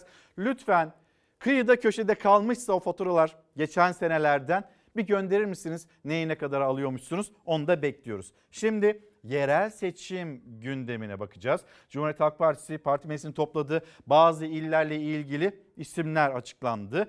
E, Hatay kararını veremedi. Hatay ile ilgili kararını veren parti Türkiye İşçi Partisi ve adayı Gökhan Zan. CHP kritik bölgelerde adaylarını belirlemek için toplandı. Hatay'da Lütfü Savaş isminden vazgeçmedi. Malatya'da Veli Ağbaba'yı, Ordu'da Zekai Sanay'ı, Kayseri'de Murat Molu'yu aday gösterdi. 6 ilçede mevcut belediye başkanları aday gösterilmedi. CHP Çankaya'da yarışa Hüseyin Can Güner, Bakırköy'de Ayşegül Ovalıoğlu, Kadıköy'de ise Mesut Kösedağ'la girecek. 6 Şubat depreminin lambasındaki protestolar sonrası Özgür Özel'le görüştüğünü CHP Genel Başkanı beni destekliyor diyerek açıklamıştı Lütfü Savaş. Ancak CHP Hatay için yeni anket yaptırdı. Dün gün boyu Haluk Levent'e götürülen adaylık teklifi sonrası Hatay'da değişiklik olabileceği konuşuldu. Ancak anketlerde Lütfü Savaş'ın isminin öne çıktığı gerekçesiyle CHP Savaş'tan vazgeçmedi. 6 Şubat gecesi yürüyüşte Hatay Halk Cumhuriyet Halk Partisi'nin önüne gerçek anketi koymuştur. Deprem suçlarına adı karışmış birini yeniden aday göstermeniz kabul edilemez. Muhalefet kanadında Türkiye İşçi Partisi Hatay yarışında ben de varım dedi. Eski futbolcu ve İyi Parti'den istifa eden Gökhan Zan'ı aday gösterdi. Zan, Lütfü Savaş aday olmazsa adaylıktan çekilebileceğini de söyledi ama CHP'den o hamle gelmedi. Cumhuriyet Halk Partili dostlarımız üstlerine düşeni yapıp Hatay halkının sesine kulak verdiğinde biz de az önce adayımızın da ifade ettiği gibi üzerimize düşen her şeyi yapmaya hazırız. CHP Parti Meclisi'nde 3'ü büyükşehir olmak üzere 4 il ve 11 ilçede daha adaylarını belirledi. Malatya Büyükşehir Belediye Başkan adayı hali hazırda Malatya Milletvekili olan Veli Ağbaba oldu. Ordu Büyükşehir Belediye Başkan adayı Zekai Sana olurken Kayseri Büyükşehir Belediye Başkan adayı Murat Molu olarak belirlendi. Depremin vurduğu illerden Adıyaman'da ise CHP yarışa Abdurrahman Tutdere ile girecek. Çankaya, Kadıköy ve Bakırköy gibi CHP'nin kalesi olarak görülen yerlerde de isimler belirlendi. 6 ilçede mevcut başkanlar yeniden aday gösterilmedi. İstanbul'da Kadıköy'de Mesut Kösedağ, Adalar'da Ali Ercan Akpolat, Avcılar'da Utku Caner Çaykara, Sarıyer'de Oktay Aksu, Bakırköy'de Ayşegül Ovalıoğlu, Esenyurt'ta Ali Gökmen, Ümraniye'de Aykut Erdoğdu CHP'nin adayı oldu. Ankara Çankaya'da ise Alper Taşdelen isminden vazgeçti CHP. Taşdelen'in yerine Hüseyin Can Güner Çankaya'dan aday gösterildi. Kareler ve karelerdeki isimler, o isimler değiştirildi. Cumhuriyet Halk Partisi Genel Başkanı Özgür Özel buna dair bir açıklama yapacak mı? Değerlendirmesi ne olacak? Onu da takip edeceğiz. Bu arada CHP'li Gürsel Tekin Cumhuriyet Halk Partisi'nden istifa etti. Yeni bir gelişme, sıcak bir gelişme. Cumhuriyet Halk Partisi çağdaş uygarlığı hedeflemeyen, Türkiye'de iktidar olma ve halka hizmet etme amacına sahip Atatürkçü ve sosyal demokrat bir parti kimliğinden uzaklaştırılmıştır. Mevcut yönetime yönelik eleştirileri de sıralıyor peş peşe ve Cumhuriyet Halk Partisi'nden istifa ettiğini sosyal medya üzerinden Gürsel Tekin işte bu şekilde duyurdu. Peki bu konuya da bakacağız. Gün içindeki gelişmelerini Gürsel Tekin ismi işte İstanbul'da bir ilçe için de geçiyordu. Esenyurt için de geçiyordu. E, olmadı. Neden istifa ettiği başka gerekçeleri de var kuşkusuz buradaki sosyal medya paylaşımında. Buna dair e, gelişmeleri takip ederiz. Yalnız bir Ankara yarışına da bakalım hep birlikte. İlk AK Parti'ye gittim. Dedim neler? Bana yazdınız. Bana ne dedi biliyor musun? Hadi git çalış dedi. Neyse eyvallah. Ama senin yerine gittim. Sen bana ne yapıyorsun? Ne yaptın?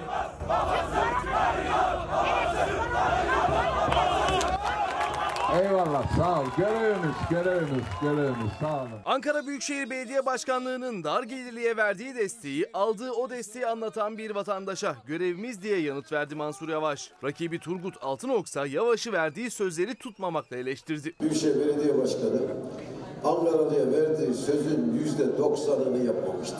30 tane büyükşehir belediyesi var. Benden başka doğalgaz veren yok. Biz de doğalgaz vereceğiz diyorlar. Aklınız şimdi mi başınıza geldi? Daha bizden çok şey öğrenecekler. Biz hizmetin planını yaparız. En güzelini yaparız. Hadi onunla da yarışın da hükümet bir açıklama yapsın. Biz daha fazla doğalgaz vereceğiz desin de millet evinde rahatça ısınsın. Cumhur İttifakı'nın adayı Turgut Altınok'un seçim vaatlerine karşı 200 binden fazla aileye 3 yıldır doğalgaz desteğini hatırlattı Mansur Yavaş. Bizi taklit ediyorlar dedi. Projesi yok deyip bizim yaptıklarımızı taklit etmeye başladılar. Başkent kart vereceklermiş. Merak ediyorum nerede yaşıyorlar? Emeklilere para vereceğiz diyorlar. İstanbul'daki 2000 lira vereceğiz. Ankara'daki diyor ki ben 5000 lira vereceğim. Artırın, artırın. Belki hükümet duyar da hiç olmazsa emeklerimiz rahat eder. Ya Allah'ın verdiği sudan para mı kazanılır? Mansur Yavaş ne yaptı kon? Benim yaptıklarını yapın yeter. Hesap sandıkta verilir. Hiç kimseyi ayırmazsanız, dürüst belediyecilik yaparsanız, sandıktan çıkarsınız. Böyle yapmazsanız sokakta dahi gezemezsiniz. Turgut Altınok'un hedefinde CHP'nin Etimeskut adayı da vardı. Erdal Beşikçioğlu'ndan yanıt gecikmedi. Belediye başkanlığı farklı iş yani. Bu şarkı türkü söylemeye benzemez. Tamam sanatçı olabilir ama belediye başkanlığı ayrı bir şey. Oyun oynamak değil zaten benim niyetim. Yıllarca o makamlarda oturup rol kesenleri de gördük biz. Liyakat önceliğin ise işin ehliyle de çalışıp milletin parasını millete harcarsa işte işin kolay o zaman. İş bunları bilmekte. Şimdi hemen bir yerel gazetelere bakalım. Yerel gazetelerin ardından çiftçinin üzerindeki o maliyet yüküne geçiş yapacağız. Adana 5 Ocak gazetesi Samet Güdük yaşamını yitirdi. Adana Büyükşehir Belediyesi'nin çatısı altında bir cinayet işlendi. Özel kalem vekili Adana Büyükşehir Belediye Başkanı'nın özel kalem müdürü Samet Güdük e, makam odasında vuruldu. Hayatını kaybetti. Hakimiyet gazetesi Elazığ sahaya indi, dengeler değişti. Gürsel Erol ben Cumhurbaşkanıyla onlar özel kalemle görüşüyor demiş. Elazığ'da yeniden milletvekili seçilmesinin ardından mecliste yoğun bir çalışma süreci geçiren Yaptığı konuşmalar ve soru önergeleriyle de hem Elazığlıların hem de tüm Türkiye'deki vatandaşların sesi olan CHP Elazığ Milletvekili Gürsel Erol, Ankara'daki çalışmalarına ara verdi. Elazığ'a gelerek partisinin seçim çalışmalarına omuz verdi. Bu arada Gürsel Erol e, Elazığ'da Ağın'a da gitti. Ağın'ın belediye başkanı MHP'li ve MHP'li belediye başkanı Gürsel Erol'a hangi konuda dert yandı? Bir onu izleyelim. Yönetmenimizden Savaş Yıldız'dan rica edeyim. Aynı zamanda Milliyetçi Hareket Partisi ile AK Parti arasında hani tavanda görmüyoruz da tabanda belediye başkanları e, ya da adayları arasında nasıl bir tartışma ilerliyor? Şimdi buna dair haberimizde yer alıyor. İsterseniz hep birlikte bakalım.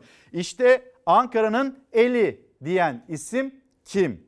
Ve bunlar yapılacak işi engeller diyen kişi kim? Karabük Belediye Başkanı MHP'li Rafet Vergili. AK Parti siyaseti herhangi bir yerde bir rant varsa onu peşkeş çekmekle başlar. O kadar bunu gizli saklı yaparlar ki normal AK Parti'ye inanan vatandaşlar onu görmez. Bunları söyleyen artık biz olduk. İktidara ve AK Partili rakibine eleştirilerle gündeme gelen Cumhur İttifakı ortağı MHP'nin Karabük Belediye Başkanı Rafet Vergili bu kez AK Parti'yi rant alanlarını peşkeş çekmekle suçladı. Bırakın kardeşim yani sağa sola rant kapıları sağlamayı. Siz anca bu memlekette kamu kurumlarıyla ilgili, hastanelerle ilgili, yalnız siz kantinleriyle uğraşırsınız. Onların ihaleleriyle uğraşırsınız. Karabük'te Cumhur İttifakı'nın ortakları AK Parti ve MHP 31 Mart yerel seçimlerinde kendi adaylarıyla seçime giriyor. Mevcut başkan Rafet Vergili 4. dönemde yeniden başkanlığa aday olurken AK Parti'de Vergili'nin karşısına Özkan Çetinkaya'yı çıkardı. Karabük, Özkan Çetinkaya. Belediye başkanlığı adaylığını açıklarken Tayyip Bey'in arkasına Alfred Üniversitesi yazdırmaya utanmadınız mı?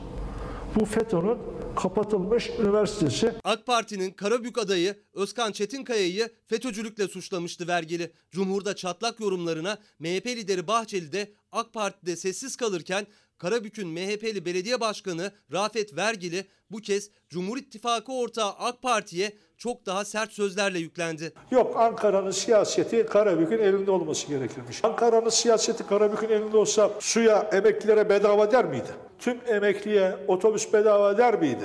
Bilesiniz ki buranın belediye başkanı Cumhurbaşkanı'nın eli üzerinde olduğu sürece çok daha farklı yere gelecektir. Karabük'e Ankara'nın eli değmemeli. O Ankara'nın eli. Acil Rum Köprüsü dedi ya. Evet yani ama Ya ben hayatımda böyle bir o yorumu ben yapamam. palavra da görmedim, yalan da görmedim. Bunlar Ankara'nın eli. Hastanelerdeki tomografi sırası Ankara'nın eli. Cumhurbaşkanı Erdoğan'ın Zonguldak'ta Cumhurbaşkanı'nın eli belediyenin üzerinde olmalı sözleri tartışılırken vergili AK Parti milletvekillerinin de Karabük'te seçim çalışmalarını aynı ifadelerle yürüttüğünü söyledi. Bunlar yapılacak hizmeti engeller de yani. Daha önceden hastanenin yapıldığı yeri engellemediler mi? Stadyumu engellemediler mi? 80 öncesi yalan siyasetlerinden yani daha hala aynısının geçerli olduğunu sanıyorlar. İnsanların hayalleriyle oynamakla siyaset yapılmaz. AK Parti siyaseti herhangi bir yerde bir rant varsa onu peşkeş çekmekle başlar. MHP'li Karabük Belediye Başkanı Rafet Vergili'nin AK Parti'ye dönük suçlamaları tek değil. Elazığ'ın Ağın ilçesinin MHP'li belediye başkanı Ali Uslu da Cumhur İttifakı ortağı AK Parti'yi CHP milletvekili Gürsel Erol'a şikayet etti. İlimizde Karakoçan, Kovaca, Havlu, metropol ilçeler. Bütün projeler orada uygulanır. Tekerin 10 defa dönmesi oraysa biz diyoruz ki 2 defa da bize döndürün. Çiftçi ve motorun meselesine geçmeden bakın çok da çarpıcı bir fatura gelmiş. İzleyicimiz göndermiş. Ee, Perihan Hanım göndermiş. 2019 yılının Mayıs ayı. Ee, ezine peyniri ne kadardan satılıyormuş? Burada sosyal medya üzerinden de paylaştım. 29 lira 90 kuruş. Şimdi acaba ne kadar? 300 liranın üzerinde. Peki başka kalemler var. Onlara da bakalım. Çok tahıllı bir ürün almış. 7 lira 15 kuruştan. Tarih 3 Mayıs 2019. Sonra bakayım şuradan görebileceğim. Portakal 2 kilogram portakal almış. 18 lira 35 kuruş ödemiş. 2019'da fiyatlar böyleydi. Şimdi şimdi nasıl? Lütfen siz bizlere anlatın. Bir izleyicimiz göndermiş. Taze kaşar peyniri 700 gram ee, ve tarih de 22 Kasım pazartesiymiş. Ne kadar? 79 lira 90 kuruş. Sonra bir tuvalet kağıdı markasını söylemeyeceğim 32'li. Tahmin edin ne kadarmış? 2000 hangi yıl? Ona da bakayım. Tarihe. 2020 yılında. Ne kadar olabilir? 32'li bir tuvalet kağıdı. Şimdi bayağı pahalı, kıymetli. Yastık altında tutsanız bayağı bir kar elde edeceksiniz. O zaman çok kıymetli değilmiş. 19 lira 89 kuruşmuş. Bakın unuttuk. Kalmadı aklımızda. Gitti. Bizim fiyat algımız değişti. Cebinizde bir para var. 200 lira 200 lirayı gidiyorsunuz markete veriyorsunuz. Hop bitmiş. E ne oldu? Neye ne harcadım ben? Onun ederi artık o.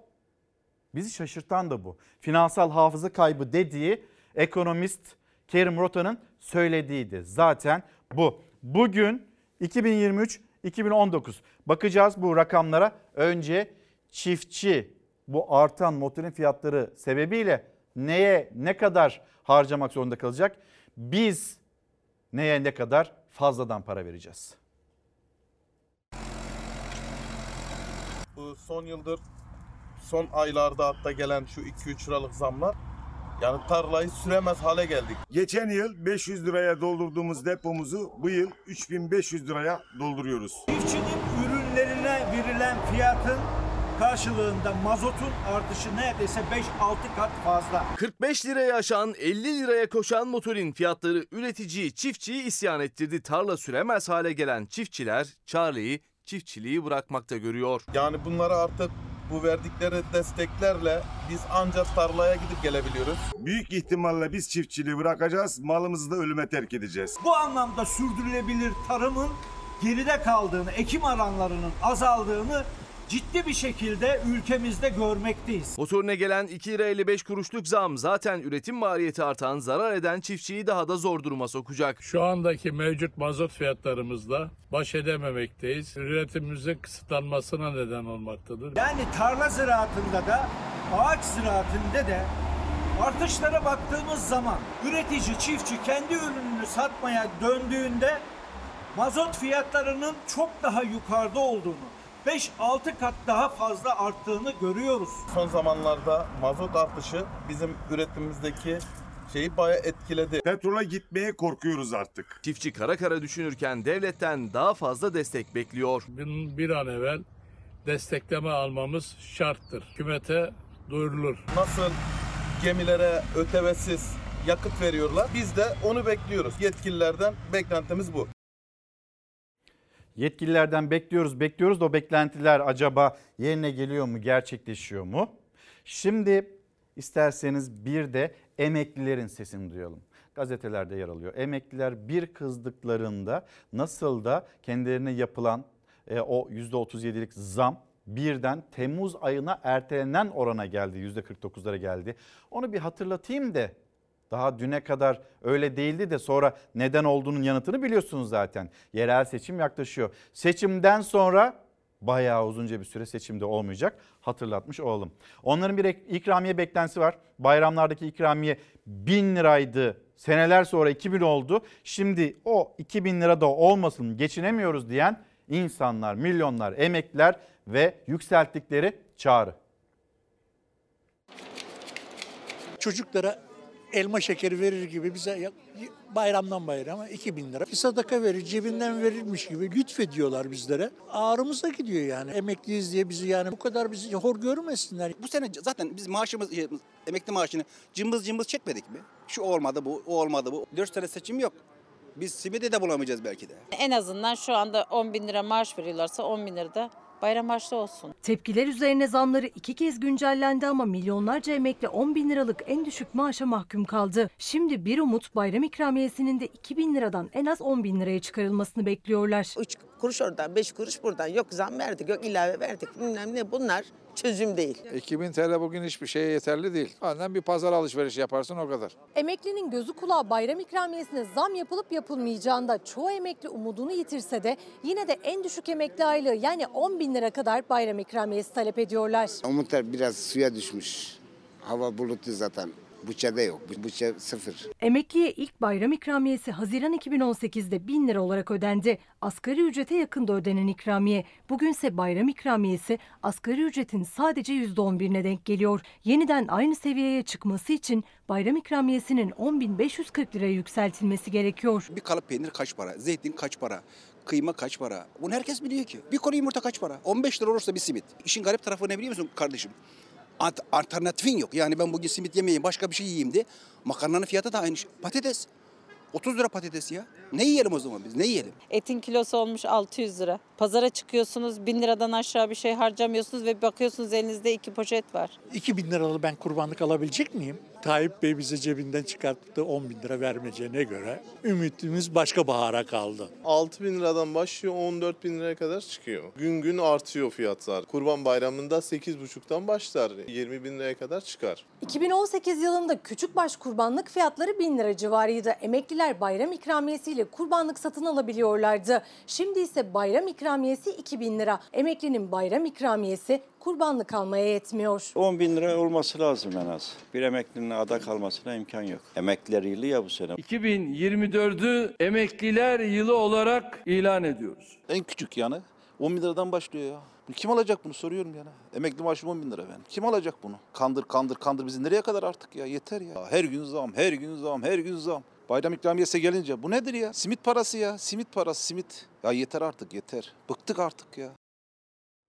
Emeklinin durumu bu. Şimdi eviniz var.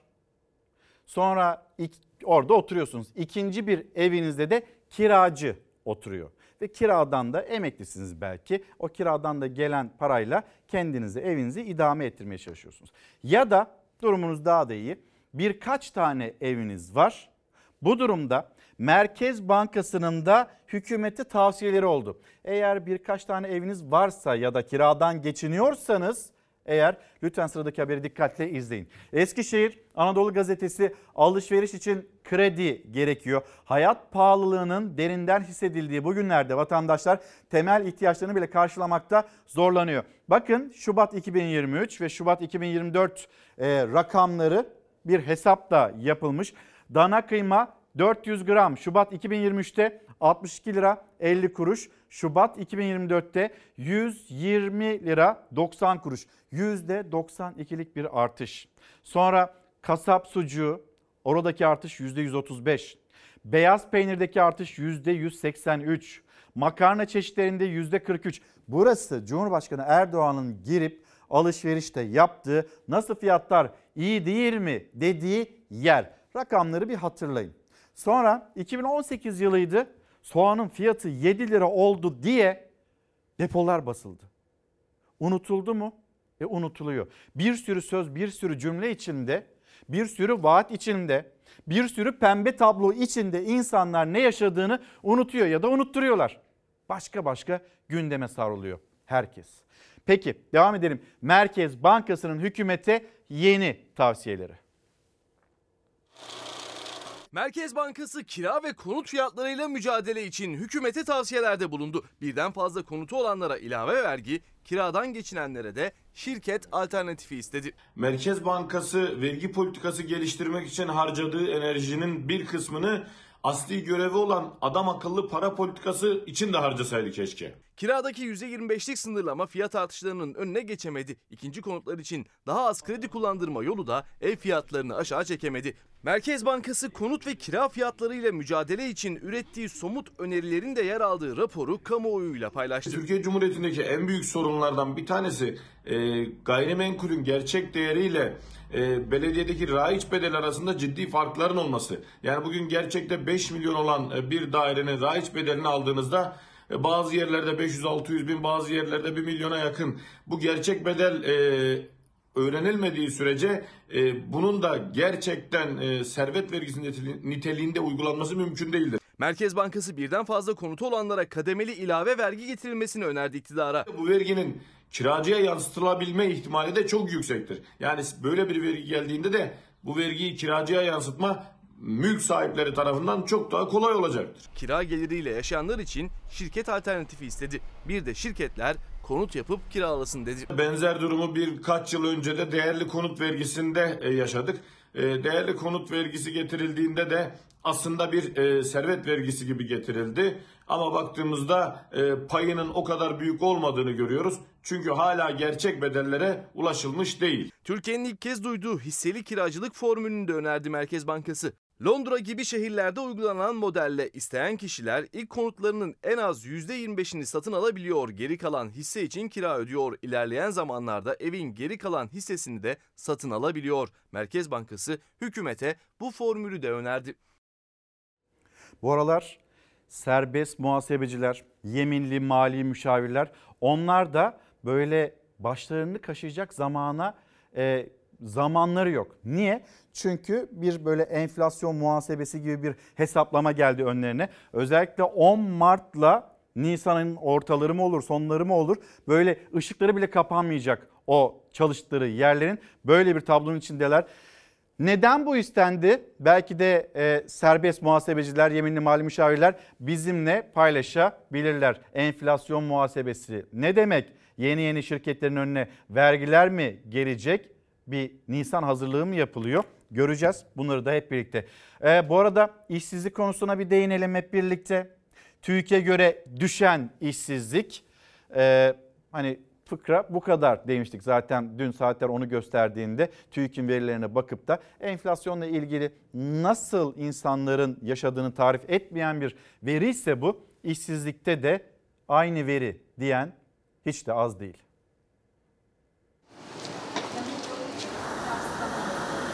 İşsizim işte. İşsizlik ödeneği alabilecek misiniz? İşte ben de şu anda onun için başvurmaya geldim. Gerçekten işsizlikte büyük bir patlama yaşanıyor. TÜİK'e göre düşüş var, diske göre ise patlama yaşanıyor işsizlikte. TÜİK'in hesabına göre bile 3 milyondan fazla işsiz var. Ama o işsizlerin tamamı işsizlik maaşı alamıyor. Para fonda birikiyor, çoğu da işverene teşvik olarak gidiyor. Seçimden önce işsizler de, çalışanlar da, sendikalar da işsizlik maaşında tavan kalksın, fona düzenleme yapılsın istiyor. İşsizlik sigortası fonunun gelirleri %1 işçi, %2 işveren, %1 de devletin ödediği işsizlik sigortası primlerinden oluşur. İşsizlik maaşının miktarı da bu enflasyon, bu, bu hayat pahalılığında hayatı sürdürmeyi de e, zorlaştıracak bir düzeyde. Fona aktarılırken çalışanın brüt maaşının yüzde biri kesiliyor. Ancak sıra işsiz kalıp işsizlik maaşı almaya gelince şartları var. O şartlar sağlanırsa da en fazla asgari ücretin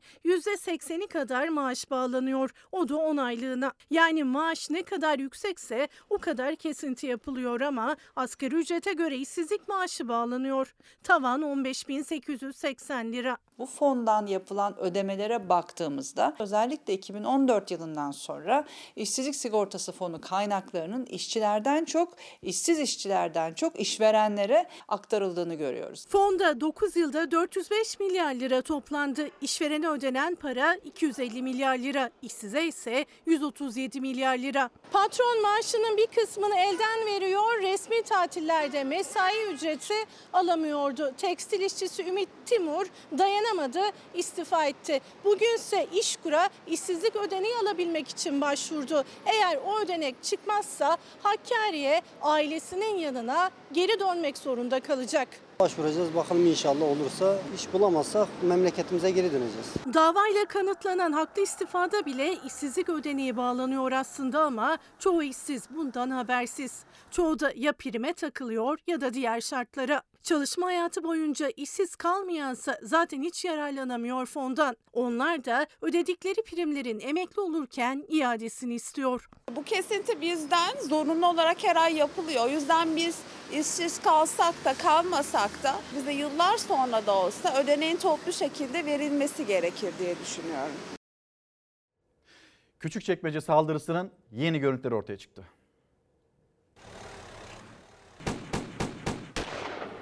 Arda arda kurşun sesleri, sokak ortasında yaşanan can pazarı. AK Parti'nin Küçükçekmece Belediye Başkan adayı Aziz Yeniay'ın seçim çalışmaları sırasında bulunduğu derneğe ateş açıldı. O saldırıya dair yeni görüntüler ortaya çıktı.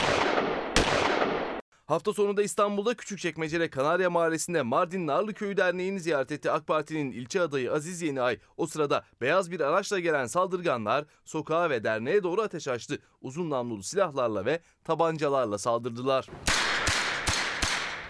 Çevredekiler panikle kaçarken sokakta oynayan bir çocuk kurşunların hedefi olmamak için arabaların arkasına saklandı.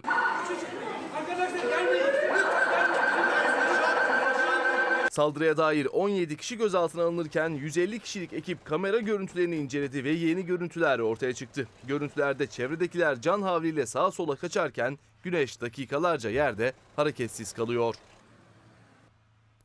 Türkiye'nin şiddet haritasını göreceksiniz birazdan ama önce yollarda çıkan o kavgalar. Bak ben aynayı kullanıyorum. Ablacığım bak senin kemiklerini Polise şikayet ediyorum sizi. Arabadaki bebeğe rağmen otomobilin üstüne yürüyüp camları yumrukladı motosiklet sürücüsü. Yol verme kavgalarının ardı arkası kesilmedi. Bir taciz etmeye başlar yolumuzu kestiler. İstanbul Maltepe'de kaydedildi bu görüntüler. D100 karayolunda eşi ve arka koltuktaki bebeğiyle birlikte Kadıköy istikametinde ilerleyen otomobil sürücüsü iki motosikletliyle tartıştı. Arabamıza saldırdılar. Aynama vurdu. Yol verme nedeniyle çıkan tartışmanın ardından motosikletlilerden biri otomobilin önünü kesti. Ardından da aşağı inip aracın aynasını ve camlarını yumruklamaya başladı. Şu an hatta polis var. Hatta polis var. Benim çocuğum var bak çocuğum var benim. Benim çocuğum var. Motosikletli otomobili yumruklamaya devam ederken sürücü ve eşi polisi arayıp uzaklaştı. Polis! Polis! Polis! Bu görüntülerde Fatih'ten trafikte sinyal vermedin kavgası yaşandı. Otomobil sürücüsü sinyal vermeden önüne geçtiğini iddia ettiği motosikletliyle kavgaya tutuştu. Sürücü motosikleti kullanan kadına hakaret ve tehditler yağdırdı. Ablacığım bak senin kemiklerini koyun eline O gergin anları trafikteki başka bir kişi kayda aldı. Olan kız oldu ya. İstanbul Beykoz'da iki sürücü arasında yol vermedin tartışması çıktı. Biri orta şeritte durup diğerinin geçişini engellemeye çalıştı. Başakşehir'de bir sitede komşular park yeri nedeniyle kavgaya tutuştu. Bir kişi girişteki bahçe aydınlatmasını söküp karşısındaki kişinin kafasına vurdu. Bursa'da ise kavganın nedeni yine yol verme meselesiydi. İki kişi yumruklar ve tekmelerle birbirine girdi. Silahlı şiddet olaylarında tırmanış devam ediyor. 2023 yılının Türkiye'sinin silahlı şiddet haritası ve en sakin şehir Erzincan. Etrafı dağlık, ortası bağlık denir Erzincan için. İşte en sakin şehirde Erzincan seçildi. En fazla olayın olduğu yer Marmara bölgesi. Ee, Doğu Anadolu bölgesinde diğer bölgelere göre olayların daha az olduğuna dair veriler de yer alıyor. İşte toplam çıkan olay 3773. Toplam hayatını kaybeden insan sayısı 2318 ve yaralı sayısı 2320. Türkiye'nin Umut Vakfı'nın çalışması işte Türkiye'nin şiddet haritası.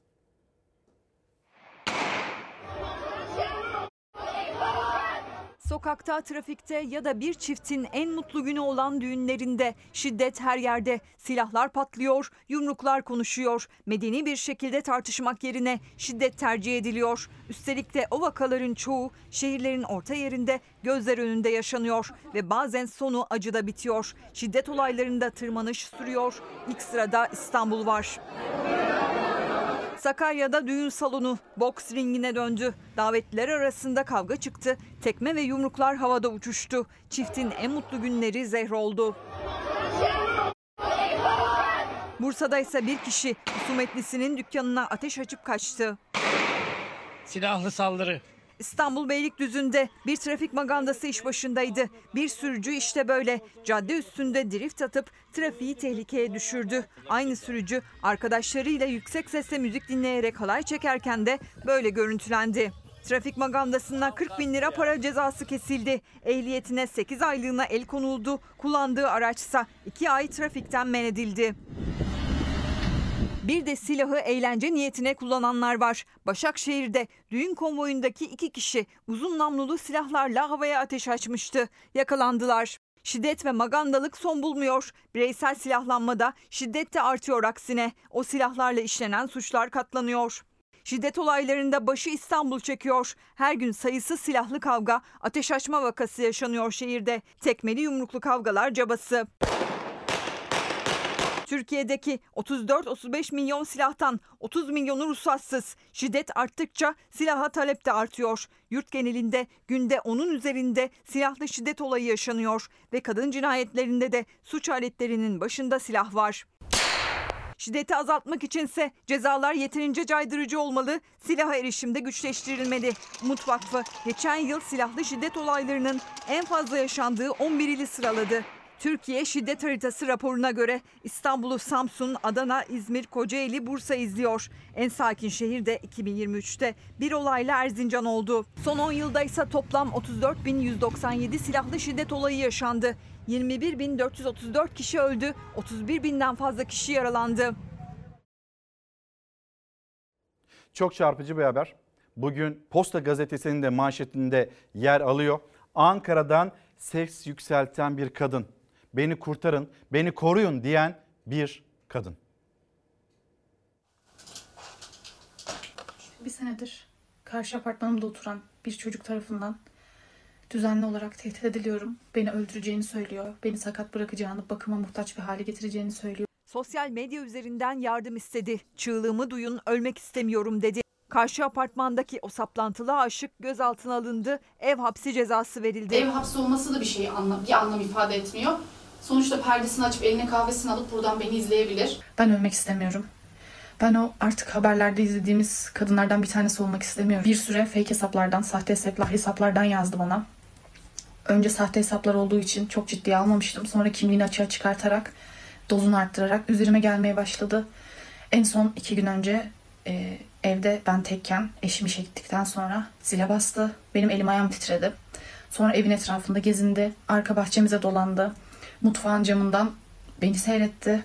Karakola gittik. Ankara'da yaşıyor Perihan Özkan. 25 yaşında evli. Bundan kısa bir süre öncesine kadar çalışma hayatının da içinde olan bir kadındı. Öğretmendi ama karşı komşusunun korkusundan değil okuluna gitmek dışarı bile çıkamaz hale geldi. İşinden ayrıldı. Bundan iki ay sonra da, üç ay sonra da ya da bir ay sonra da yolda herhalde ya arkamdan bıçak saplar ya yolumu keser artık bilmiyorum ve bu insan benim karşı apartmanımda oturuyor. Ben artık dayanamıyorum. Ben ölmek istemiyorum. Perihan Özkan'a hayatı dar eden, ölüm tehditleri yollayan, onu sürekli takip eden saplantılı aşık Muhammed K. Genç kadının çocukluk arkadaşı aslında. 13 yaşına kadar kapı komşusu olan bir adam. Şimdi de tam da evinin karşısındaki apartmanda oturuyor genç kadının. Evini de göstermek istiyorum ki bana ne kadar yakın oturduğunu anlayın. Şurada gördüğünüz park halindeki beyaz aracın tam orada orada oturuyor sol tarafta. Perihan Özkan polise şikayetçi oldu. Muhammed K hakkında uzaklaştırma kararı aldırdı ama uzaklaştırma süresi dolunca yine kapısına dayandı Özkan'ın. Genç kadın da kendi sosyal medya hesabından bu paylaşımı yaptı. Yardım çağrısında bulundu. Bir senedir karşı apartmanımda oturan bir çocuk tarafından düzenli olarak tehdit ediliyorum. Beni öldüreceğini söylüyor. O videonun ardından saplantılı aşık gözaltına alındı. Ev hapsine çarptırıldı. Ancak genç kadın hala korku içinde. Tutuklanmasa bile psikolojik tedavi görmesi için hastaneye yatırılmasını istiyor.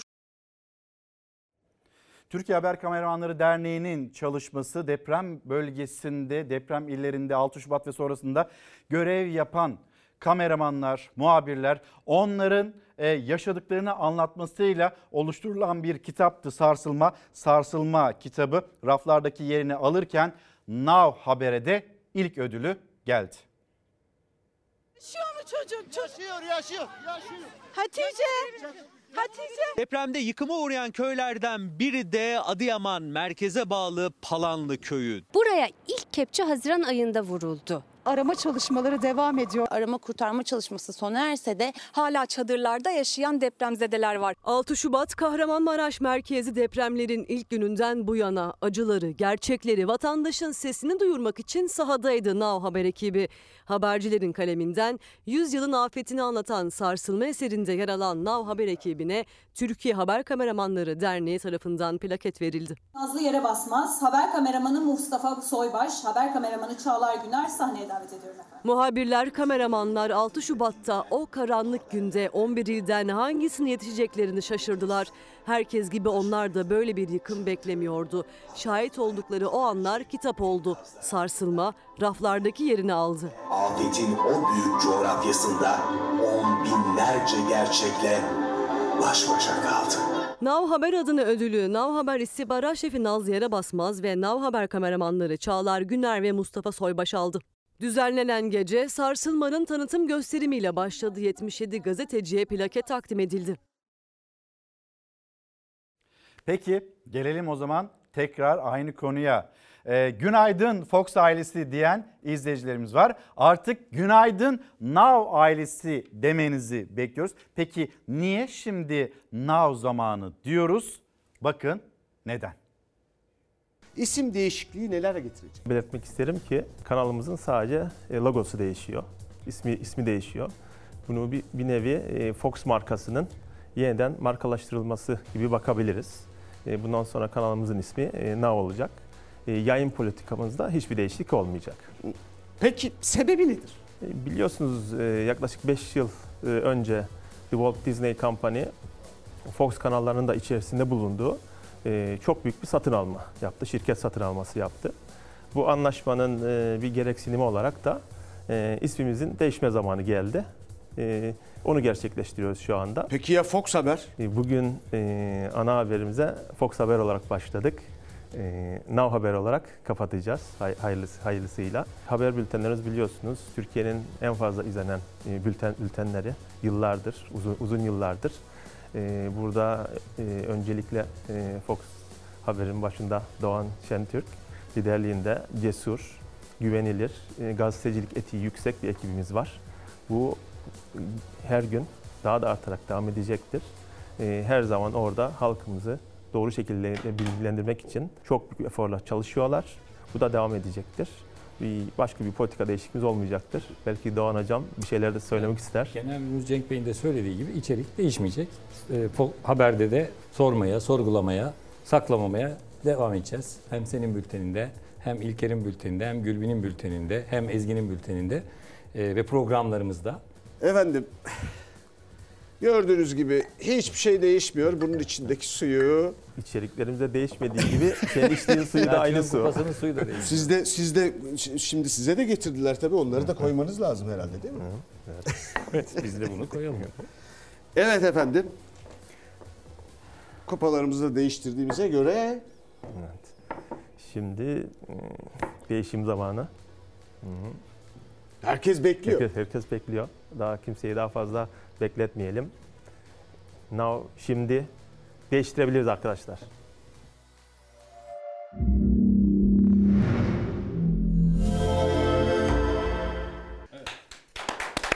Hayırlı uğurlu olsun. Hayırlı uğurlu olsun. Her dem yeni doğarız, bizden kim usanası diyor. Hayırlı olsun bir kez daha.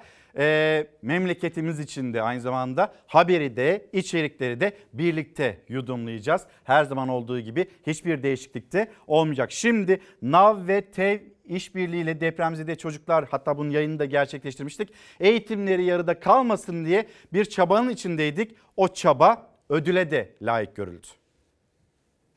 Sosyal sorumlulukta öncülük ödülü takdim edeceğiz. Yine Banu Noyan'ın da aktif bir Türk Eğitim Vakfı gönüllüsü olarak ayrı bir heyecan hissettiği ödüllendirilecek bu proje Fox TV. Şimdi yeni adıyla Now. Eğitim yarıda kalırsa her şey yarıda kalır diyerek depremzede çocuklar eğitimlerine devam edebilsin diye NAV ve TEV işbirliği yaptı. Örnek proje eğitime devam ödüle layık görüldü. Geçtiğimiz sene Türk Eğitim Vakfı ile birlikte çok güzel bir sosyal sorumluluk projesi başlattı. Eğitime Devam projesi kapsamında 6 Şubat depremlerinde afetten etkilenen çocukların eğitimleri yarım kalmasın diye bir burs fonu oluşturuldu.